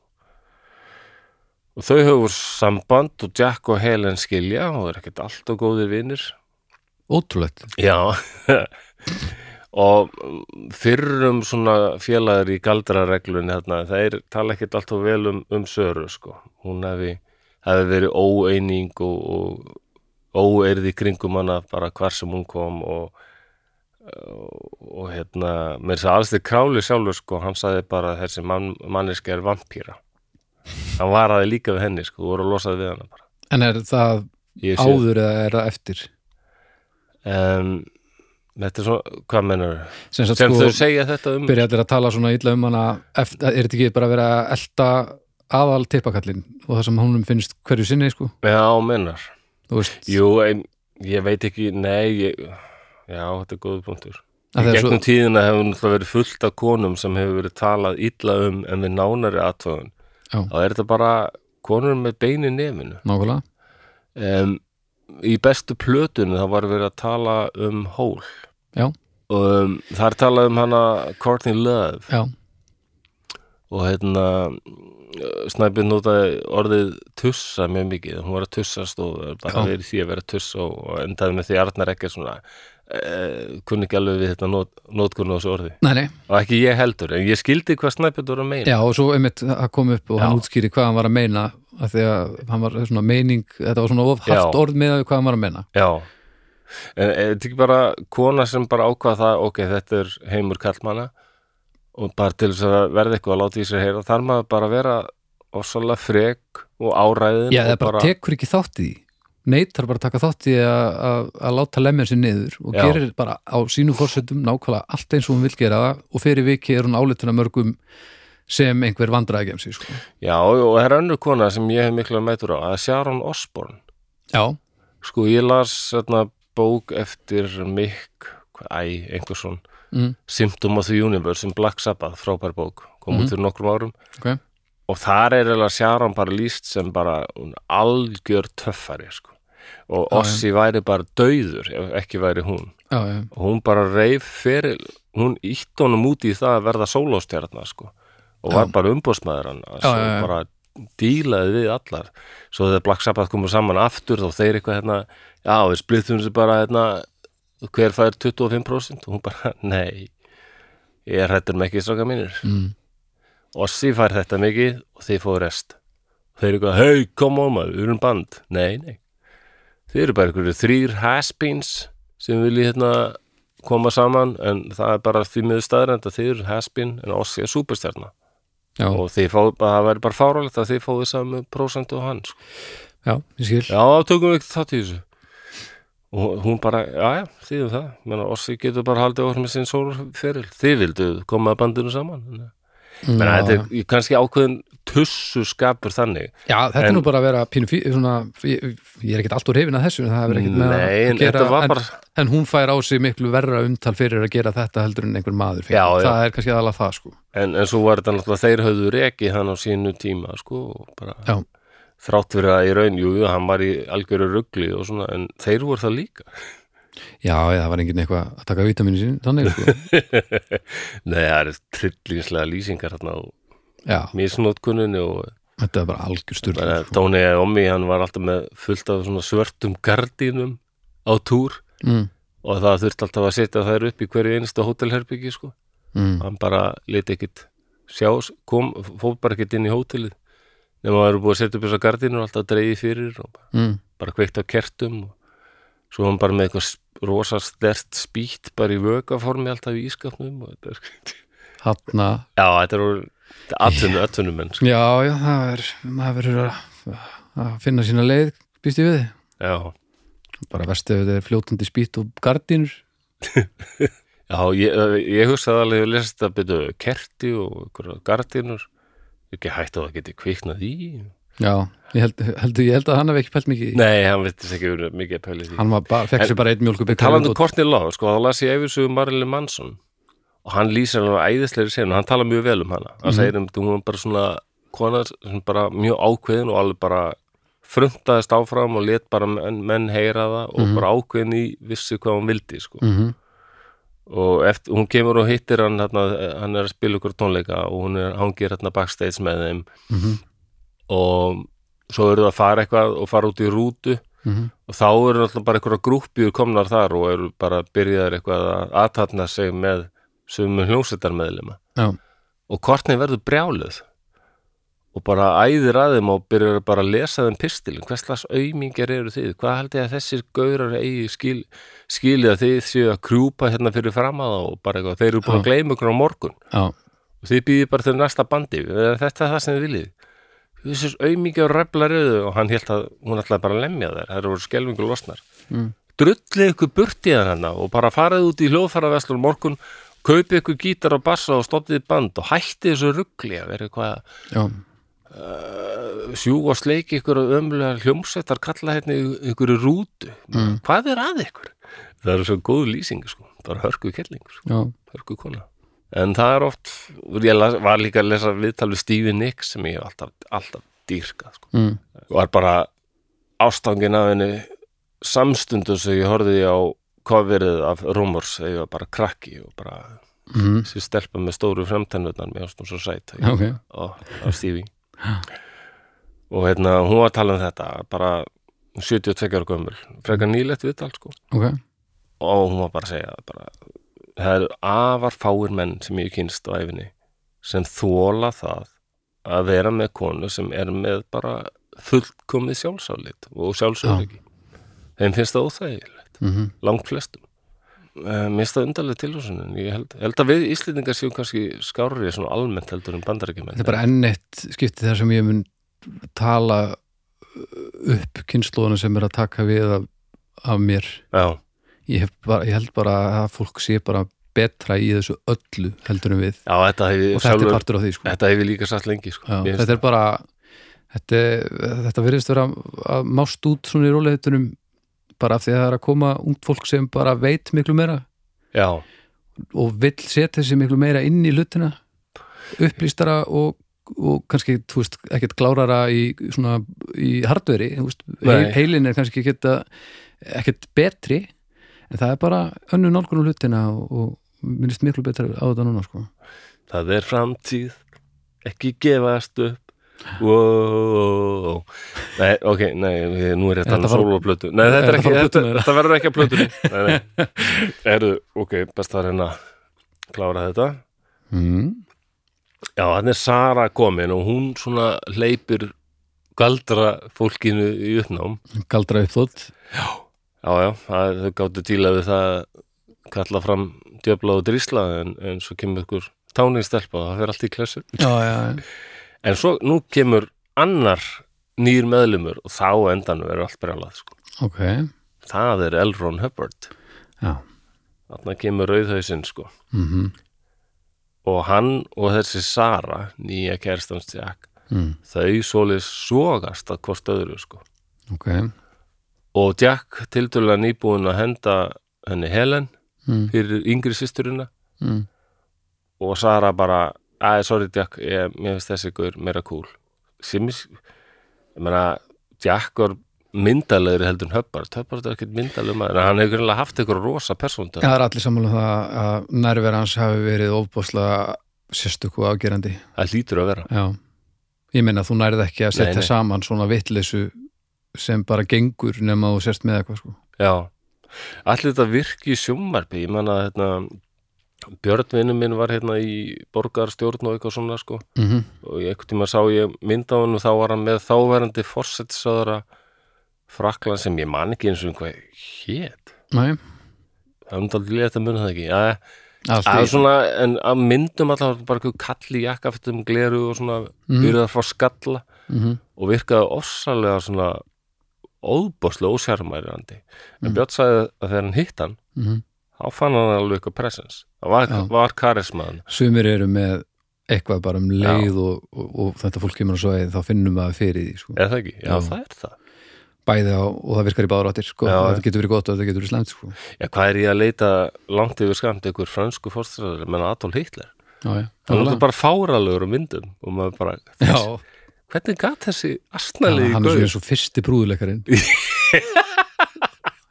og svo er hann bara allt í núna innræðisherra Já, það er eins og eh, hann byggar hann að sé allt í Já, Já ég menn, hann er bara komískur, það er rétt mjög en það var nú En- ekkit sérstaklega, það er ekkit eins og Sjöflín hafið þurft að fara í eitthvað brjálaðislega mikið duðleikari við til þess að Nei, gera grín á hann sko. nei, nei, en það ber öllum saman um að, að þegar hann sko, ég hef alltaf hvað, ég hef hitt mann sem hefur hitt mann sem hitt Hitler já, Já, og stóð bara mjög nálætt honum, sko ok fór á fund hérna, hann Torfi hérna, sem er hérna, já ég minnist nú á hann aðeins í viðtalunum við Snæbjörn, hann er svona pappi hálsískinum menna, fyrir um eigum að mömmu Já. hann dó 2013-14 frábær kall og hann var mjög góður við mig já, ég, þú hafið minnst á hann hérna Já. einhvern tímann. og hann hérna, ég myndi nú ekki segja kannski gau- gekk mér í föðu stað en hann alveg tók þáttið í alamindaldu upp Já. sko, var alveg æðislu, skemmtilegu kall Mhm. og vinur hans læriði í hérna, Þýskalandi og fór á hérna, svona fund með Hitler sko. ok, áður en hann komst til valda eða bara um það leiti já, já þetta var eitthvað í München eða eitthvað starf ekki í Berlín en ætla, lýsingi var þannig að það var sko mikil spenna í loftinu sko og það var vont veður Mm. og það nota hef ég fundin klukkan átta eða eitthvað og klukkan var hann alveg kortir yfir átta kortir yfir átta mm. og svona þrumur og, og rigning og svona hrykti í húsinu og fólk bara beið, Mm beiði spennu sko og það kom alltaf reglulega ykkur maður upp á síð því miður að uh, við vitum að fóringin lagði að stað hérna frá uh, frá einhverjum bæ uh, klukkan þetta og þetta og en veðrið er náttúrulega mjög slæmt en við vonum að þeir komist á leiðiranda -hmm. og svo klukkan var hann hálf nýju og fólk bara beið og beið og beið og þetta var allir, og hann- allir mændu á sviðið Mm. allt einnur hurðinni, sko út í hurðinni hrundið upp reynilega sko bara s- næstu því sparkað upp bara. Mm. og innæða bara tveir svona SS-menn í svörstum búningum sko, þeir voru þá orðnir lífverðir hitles, Mm.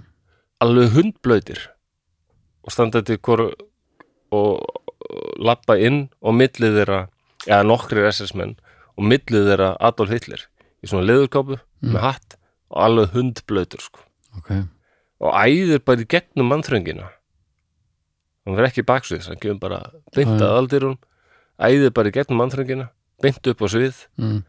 og tekur þessu rekkfrakkan Mm. grítur hún bara í gólfið og hattinum líka bara, bara beint á mikrofónum og segir bara kameratin og það trilltist allt, sagði þessi guður það bara sturlaðist allt Já, að inni já. sko og hann stóð bara þarna og horfði yfir salin sko, þetta var bara, já, en svo hann lýsa rocktónleikum já, nákvæmlega En svo frétti þessi gauður setna að Adolf Hitler var mættur vel fyrir klukkan átta sko. ah, leikús Já, já, já, já, já, já. hann gerði þetta ítrekkað. ó nei, var hann baksins allan tíman og þeir Já, svona já. stukku í sturtuna rétt á hann komin Já, við skulum bara standa í rigningunni í smá tíma ó og nei þetta er fínt, við vorum vel blöytir. Ó. Æðum inn! nú langar mig að segja kjána Hitler en það er eins og, ekki eins og þetta hafi ekki virkað sko. Nei, þetta er nefnilega svínvirkaði sko. en hérna bara svo ég skjóti því elsnögt inn ég, æ, ég, ég reynda mann ekki alveg nokkulega en hérna, ég sá eitthvað um það að þegar að Hitler fór til Finnland svo upptakan var tekinu upp sem við vorum að tala um í vettastriðinu Já, að þegar að vélinnans lendir í Finnlandi þá er kviknaði í hjólabúnaðinu já, ok. og það mátti litlu muna að, að hann hefði, þetta hefði verið hans síðasta ferð þarna Já, hérna. það var sem sagt, hefði, hvort það var hann átti sem sagt að lenda hann átti að lenda einhver staðar minni mig á þessu ferðalagi á einum stað og, og halda svo áfram og, og lenda í Finnlandi, hún að sé ekki aukt en það var ákveð að fljúa bent Já, já, já. og það er talið að að ef að hann hefði þessi haldið þessu, þessu upprunalega plani þá hefði hjólabúnaðurinn ekki haldið eins og hann hef- gerði þegar hann þurfti bara að lenda einu sinni já, þannig að þá hefði vélinn öllum fyrrað upp sko, Nau, það má oft litlu muna sko honum hefur auðvitað sagt þetta og hann hefur hann virtist alltaf verða vissar og vissar í sinni sög mm. ég menna talandum hann hafi verið trúleysingi hann, hann, eins og hann talar þá er eins og hann hafi verið svo vissi í sinni sög að forsjónin hafi valið hann og hann var Mm. Já. alltaf að sleppa aðeins, Við tilræðið, sko. ánæði með sig Já. eftir sem leið á það var alveg reynd að drepa hann sko en það var til hérna, það er til með þessi að myndbansuptökur að því þegar að vélinn er að lenda og hann er að koma útrunni Nú, og þá ok, sérst að það, er- það er bara hjólabúnaðurinn er lofandi sko. Eh, og það er bara stokkið til að slökkva og, eitthvað, og, og þeir labba bara eins og ekkert við skulum bara ekki horfa á þetta og þá er þetta ekki að gera, já, já, trikkið já, hérna Já, ég finn Ég vissi þetta, þetta ekki, takk fyrir þetta ég finn þetta, Frábært. dundrið sinn Þetta er magnað, Daldur Magnan hafi farið til Finnlands þannig að það er bara, já, hann var líklega verið alveg hrifun af finnunum sko akkurat Já, já, og hérna ég verða Rósa Gustaf Mannerheim fyrir að hafa kveikt í stórum vindli bara fyrir fram á fóringin já, þrátt fyrir að hann vissi alveg öruglega að fóringin hataði reykingar þetta Já, var bara já. eitthvað svona en nú ert þú á mínu sæði góðið minn sko. mm. og hvað hann er ekki slátra lambi þá líka eða eitthvað og borðað rátt fyrir framannan Já, þetta, það er ekki smá munur á einu vindli og kannski jú, jú, Já, jú, jú, jú. vissulega Já, já, en aftur að Jack Parsons, við Já, vorum að klára já, þetta já, tíman já, Já, hann, hann hafði verið sá sem hélt þessum hó, hópi bara á floti fjárhagslega, hann borgaði fyrir allt já, og nóa peningum kefti kublana og, og skaffaði Já, já, húsnæði og, einmitt En svo fyrir að minka þessum peningana hjá honum sko mm, og hérna Hubbard eh, þeir eru áfram einhverju vinir ráttur Hubbard takkja hann að kæristun á honum eða svona nokkurt veginn ok, og Hubbard sko ste, st, uh, stingur upp á því við hann að þeir myndu stofna fyrirtæki sem myndi selja báta Hubbard var mikill siglingamæður sko ok og hann vantaði bara vantaði bara eitthvað svona startfé Mm. og svo get ég farið til Flórida og keift báta og ég siglið um til Kaliforni og við seljum það seljum það ok og Jack segir já, og hvað þarftu mikið pening Ég- já, ég þarf alveg 30.000 dólar eitthvað og Jack segir, ég bara er miklu blankar en ég var, sko, ég á bara 20.000 dólar, er aðlega mín já, það dugur alveg, segir Pöppartinn, segir Elron og hann tekur seinasta pening Jack Jacks, sem þá er að líka verða þetta aldrei svona óvinsætli og óvinsætli hjá yfirvöldum, sko mm -hmm. þeir treyst honum ekki sko og Hubbard og, og hún hérna Sara þau farið til Flórida að kaupa báta en, en sjást aldrei meir það er hannig Jack reynir mikið að ná til þeirra en hérna ein saga segir að hann hafi að Sara hafi haft samband við hann Mm. og hótað því að segja öllum frá sambandi þeirra og kýlifsköldrunum og þá myndi það litla sem eftir var af góða orðspórið hans sem vísindamanns mm -hmm. það myndi alveg hverfa sko að hann hafi þá hætt Já. að trubla þau okay. en það, saga þeirra Söru og Höppard er líka mjög óhauverð af því að seinna átti víst eftir að slettast upp á vinskapinu milli þeirra mm. og hérna hún var víst aldrei hrætt við þennan söfnuð eftir það en hún ávist stóran þátt í því sko að, að, að þróa þessa vísindakirkju og þessar aðferðir og allt svona sko. það hefur nú ekkert verið mikil svona það hefur ekki verið mikil lokn í kringum hann að söru er það? nei, og ekki Höppard kannski líka Nei, Þannig að nú er komið því að þessi- að Jack Parsons hann er aðleitn og yfirgefin vinnur hans tók frá hann kæristuna mm og síðust peningana og hann er orðin mjög óvinsall hjá stjórnvöldum og fyrrum vinnuveitendum Mhm. vegna þessa galdra kökls já, og, og ekki síst út af því að það var hægt að bendla hann við marx, marxisma Já. Þetta er í lókstríðsins eða rétt ekki eftir mikill stríðið stemmari fyrir Nei, þannig er, þarna er McCarthy brjálaðið að fara að byrja í bandaríkjunum Já, og bara já. allir sem höfðu kannski einu sinni farið að fundi okkur sósélstafélagi bara, Mhm. það var bara nótið þess að þú varst bara sörstu lista, þetta var alveg fáralegu tími í sögu bandaríkjana, já, alveg styr, styrlað sko. Já, og hann var sem sagt einhver galdraköklari og líka við eitthvað við hrifinu marxisma já, endanum hann bara fekk hann ein, ekki neyn störf sem eldflöga rannsóknar sérfæðingur elsneitis meistari Nei, eða eitthvað og tíðanbili vann hann sem bifilurki vaktmaður á sjúkrahúsi já, en um, hann var að endanum sko lo- slapp við að lenda alveg á svartalistanum og fekk starf hjá flugvélaversmiðu Howard Hughes já, ok já Ég- aftur spyr ég sko, af hverju, af hverju ekki í bíómynd Já, Þannig að Jack sko, já, hann getur tækifæri til að koma lífi sín á nýjan kjöl, vinna hjá sér flugvélaversmiðu, já, skoða flugvélelsneiti og eitthvað svona. En þarna kynnist hann einhverju fólki sem eru gýðingar. ok Þeir segja honum að það er ný búið að stopna ríki sem er Ísrael Já, og við viljum styðja það, við viljum fá aðstóð hjá þér.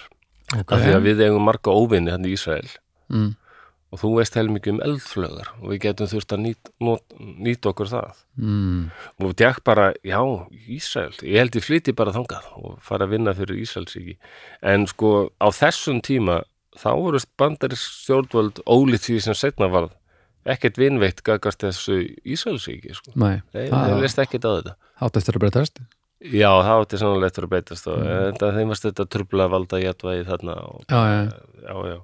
þannig að þeir stjórnvöld komast á snúðum það að þessi gauður sem er unni á NASA og hann að eldflöga, hann sé bara að flytja til annars ríkis mm, og hérna hann er bara handtekinn já yfirheður og hann var, kem- fellur á hann grunur um að hann hafi alltaf mögulega að selja þarna erlendur ríki einhver mikilvægur upplýsingar þetta Já. var bara daldið trublaðu tími líka sko Já, akkurat en hann er semst hann er endanum hreinsaður af þessu það Ok, er fatta bara, bara einhver gaur sem bara, já, peningar í Ísrael já, ég hef bara þangað mhm, En um, því miður sko þá kems, fer eitthvað af þessu í, í blöðin og svona og allt innu bara hérna, maður handtekinn Mm. ætlaði að fara til Ísæl og selja mikilværu upplýsingar er fyrrum fó- leiðtogi s- satanic cult Já, magic já, já. ritual Ó, þetta er erfitt trífi að eiga við svona Já, þetta fortíðin kom hann alltaf daldið að elda greið Jack Já, og yfirmenn flugvela versmiðunar Hughes, þeir sögðu þetta því miður gengur ekki nei, þannig að hann var reikinn nei og, og svo fær hann bara bref frá stjó, bandarsku stjórnvöldum að hann, honum sé bara hennilega bannað að vinna við rannsóknir á eldflögum ég skil nú ekki hvernig það vil geta Á það? Já, það á þessum tíma höfðu stjórnvöld miklu meira vald eitthvað, Hann hefur skrifað eitthvað, undir eitthvað þegar hann var að, að byrja á NASA eða eitthvað gætum verið sko mm, og ég held að þetta hafi verið bara miklu stífara og meiri svona eh, meira frels eh, miklu minna frelsi en við erum kannski vöðin í dag sko. Já, já, þá stopna hann bara fyrirtæki og hann fer að vinna við kvikmyndir búið til bara na, já, það, þarf- það er alltaf spre- það er alltaf það er sprengingar og læti í bíómyndu já, já hann já, er já, góður í því Já, hann já, er rosalega góður í því og hann fer bara að vinna við það ok og þá komum við að því hvernig dó hann Jack Parsons Æ, æ, æ, æ, æ, nei, ekki segja Ó, eitthvað, Suicide Squad bara já, talsmaður nummer eitt hann var náttúrulega frægur fyrir að vera sko að þeir sögðu félagar hans að koma inn í vinnustofuna sko að bara var alltaf rú og stúi og kannski bara einhver vöku við hliðin og öðru vöku og þeir ertu geðvikur að geima þetta hlið við hlið Já, já þetta er, hann sagði, þetta er alltaf að þú hristir ekki borðið þá bara gamla tryggi já, en þeim varst hann alveg klikk og 17. júni 52 þá hérna var hann heima að búa til eitthvað sprengjefni fyrir einhverja kvikmynd mm, og það bara verður sprenging og húsið bara í ónýtt bara mm. og Parsons merkild nokk lifur þetta af en er alveg óbáslega slasaður Ok, og hann deyr sko með þannig komin sjúkrós það er hannig já, 37 ára gammal 37? já, þetta er svo magnað lífslaup sko. Hann er ekki, er hann 37 ára þá? já, já, Hann er einu ári eldri en ég já, þegar hann deyr pældi þessu Andskotin, hvað kallar ég er, illa, ég, ég er svo langt frá því að sprengja mér lótt upp sko.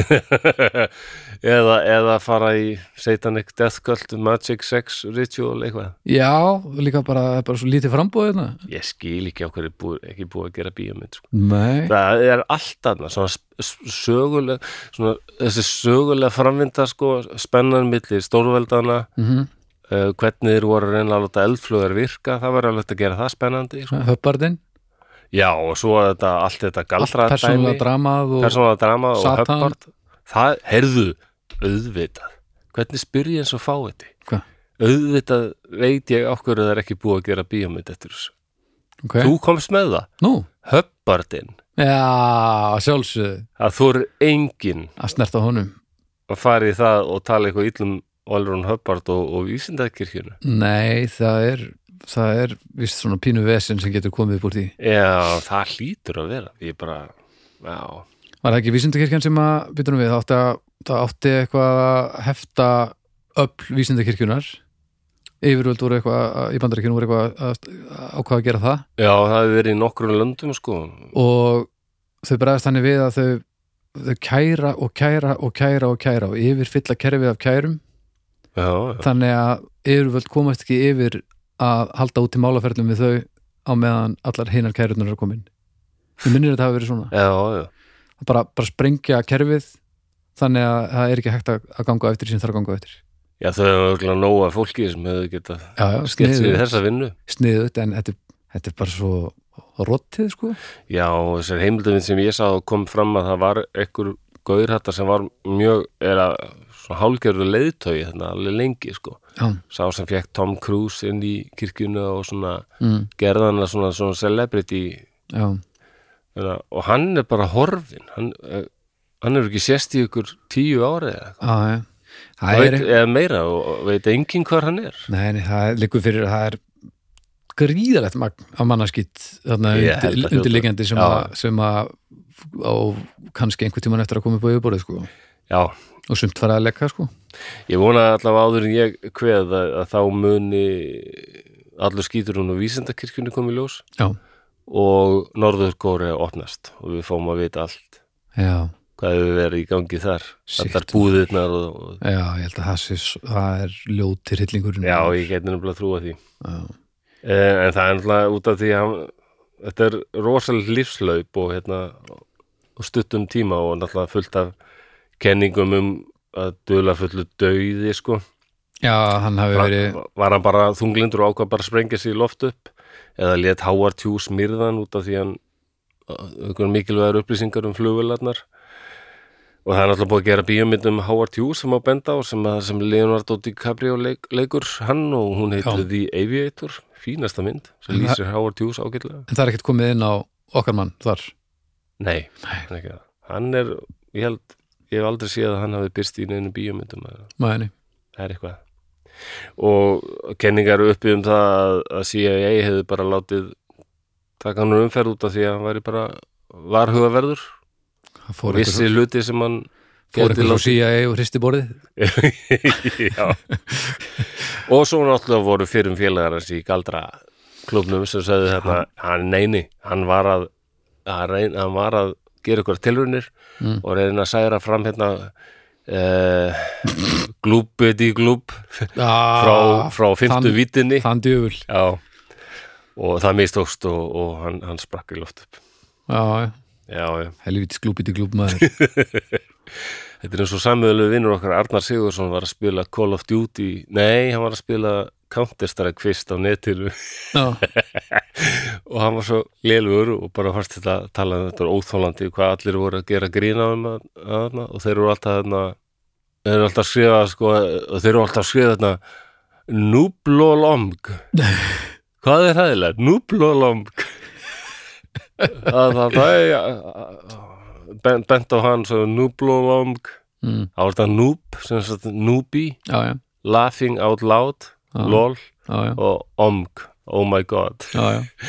En þetta hljómaði alveg eins og bara nafn eitthvað förum á- byggja mál Já, eða nafn á okkur ófresku úr sko Já, það verður bara, Cthulhu já, þú menar að það hefur bara verið að setja bölvun á hann Já, Internetbölvun Núblolomg Hljómaði alveg eins og okkur svona ófreska úr Já, Þarna, hvað heitir hann mestarinn hérna, horrormestarinn hérna, H.P. Lovecraft akkurat Cth- sem bjóð til Cthulhu Já, já um, Ég ætla hann að geta hafa þetta mikið lengra það væri alveg örglega hægt að tala alveg heil lengi og verið bara með no- nokkra þáttaseríu um Jack Parsons sko. Hann er, þetta er ótrúlegt eintak Já, hann var alveg ótrúlegur hann kom víða við Það er eitthvað svo heillandi þessi, þessi, þessi þetta tvöfalda þarna. já, Í dagsljósinu bara ví, vísindamæður, svo er hann komin inn í svörtu viljuna, þá Já. bara, bara í kublin já, í og úr um gullið. húnum aftur pínu bósa að fara í kublin ef maður er á annar bóra að fara úr, bent úr húnum aftur Já, já.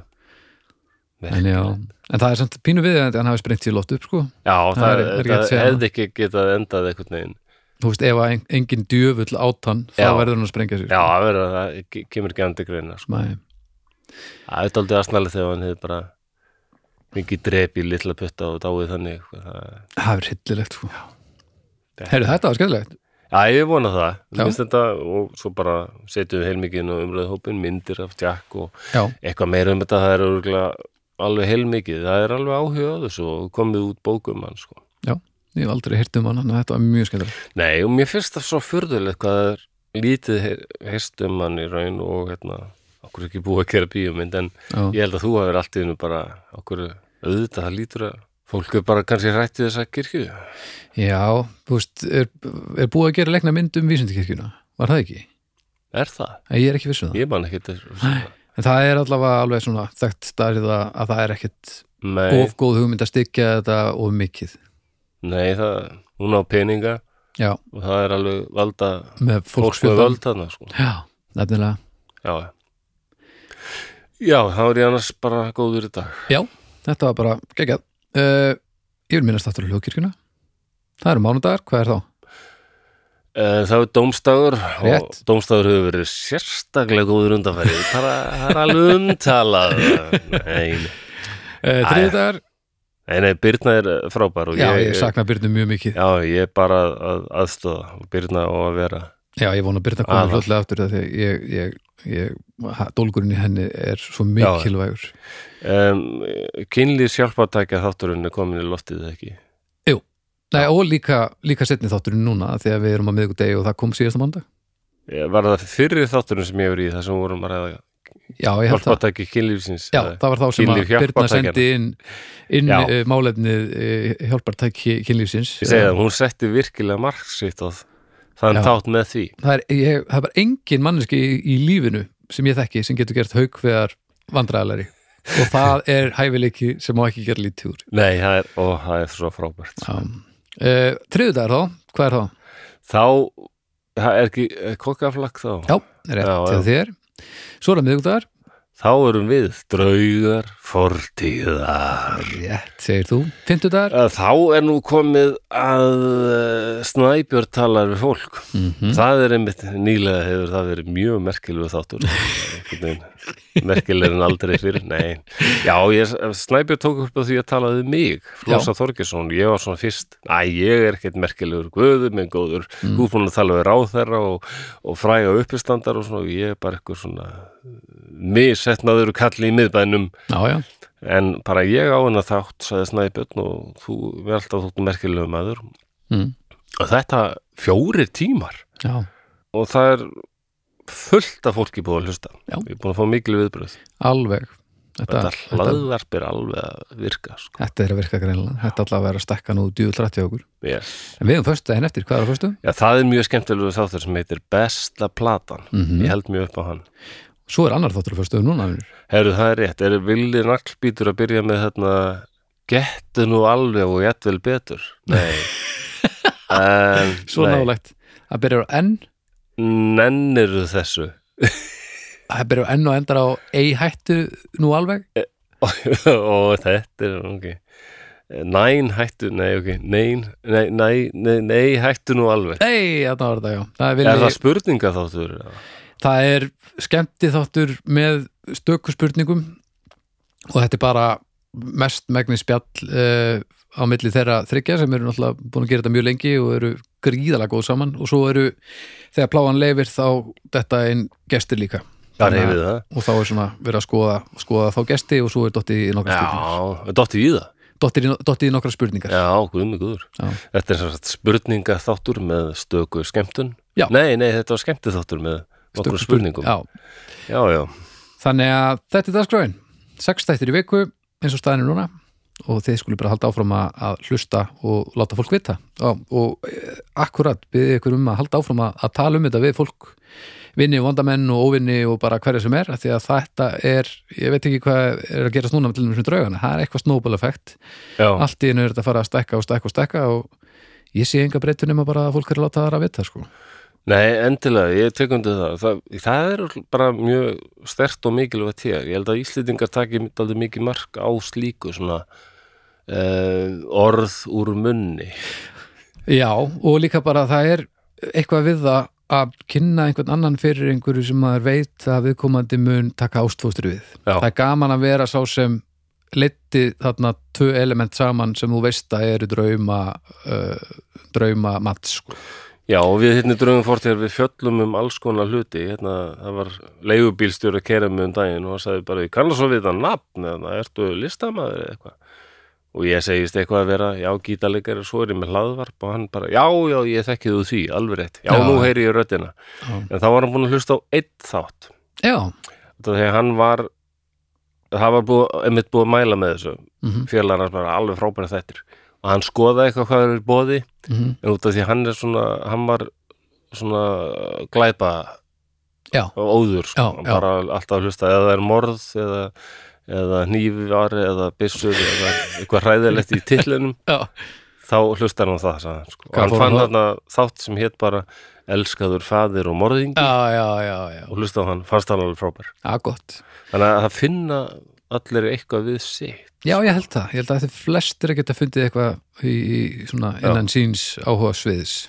þannig að endilega mendið fólk, já Já, endilega gerir það og fariði líka inn á þú veist, það sem þið getur gefið stjórnur svo leis það er Apple Podcasts og, og hinni staðirnir því með endilega hendin líka litlu review eða tíma um, þá held ég þetta sé nú bara að verða komið maður heyri svolítið fregnir af því núna að, að fólk sem er að díla við að sama þú þunglindir uh, þetta tíðar fari nú ekki að fara vel í fólk að núti því að það er náttúrulega bara frekar einangrun og ekki sér fyrir endan á og allt saman já, Þannig að ég vil nú bara beða fólk um að fara vel með sig og, og, og láta vita ef, að, ef, að, ef fólk er að sökva of langt niður sko, mhm að bara láti sér heyra frekar en ekki Akkurat, Og- þekki enginin Þekki hætta, hætta að nenn að fer í bað, hætta að borða Já, hanga mikið í sófanum og bara glápa á Netflix já, standa upp á og til og bara fara út og lappa í tíu mínútur, það gerir Akkurat. rosalega mikið og bara eh, ég veit þetta er klesja og kannski fólk voru þreytt á að heyra þetta en, en þeir sem eru komin að sér langt þeir eru náttúrulega ekki,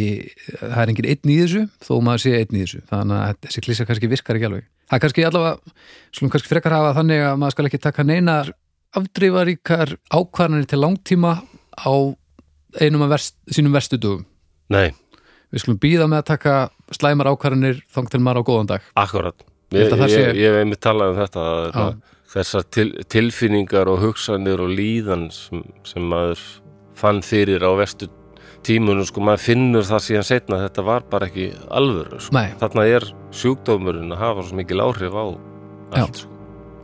þannig að þið skulum frekar heyri í einhverjum heldur en að taka ákvörðun sem að þið væru síðan möguleiki sátt við, Seinna, síðar meir eitthvað sem vilt koma inn á, Nei, annað, þetta var bara mjög fínt það ekki bara Þá ég þakka fyrir mig já, takk kærlega fyrir okkur flósi minn og við bara heyrumst þetta viku bye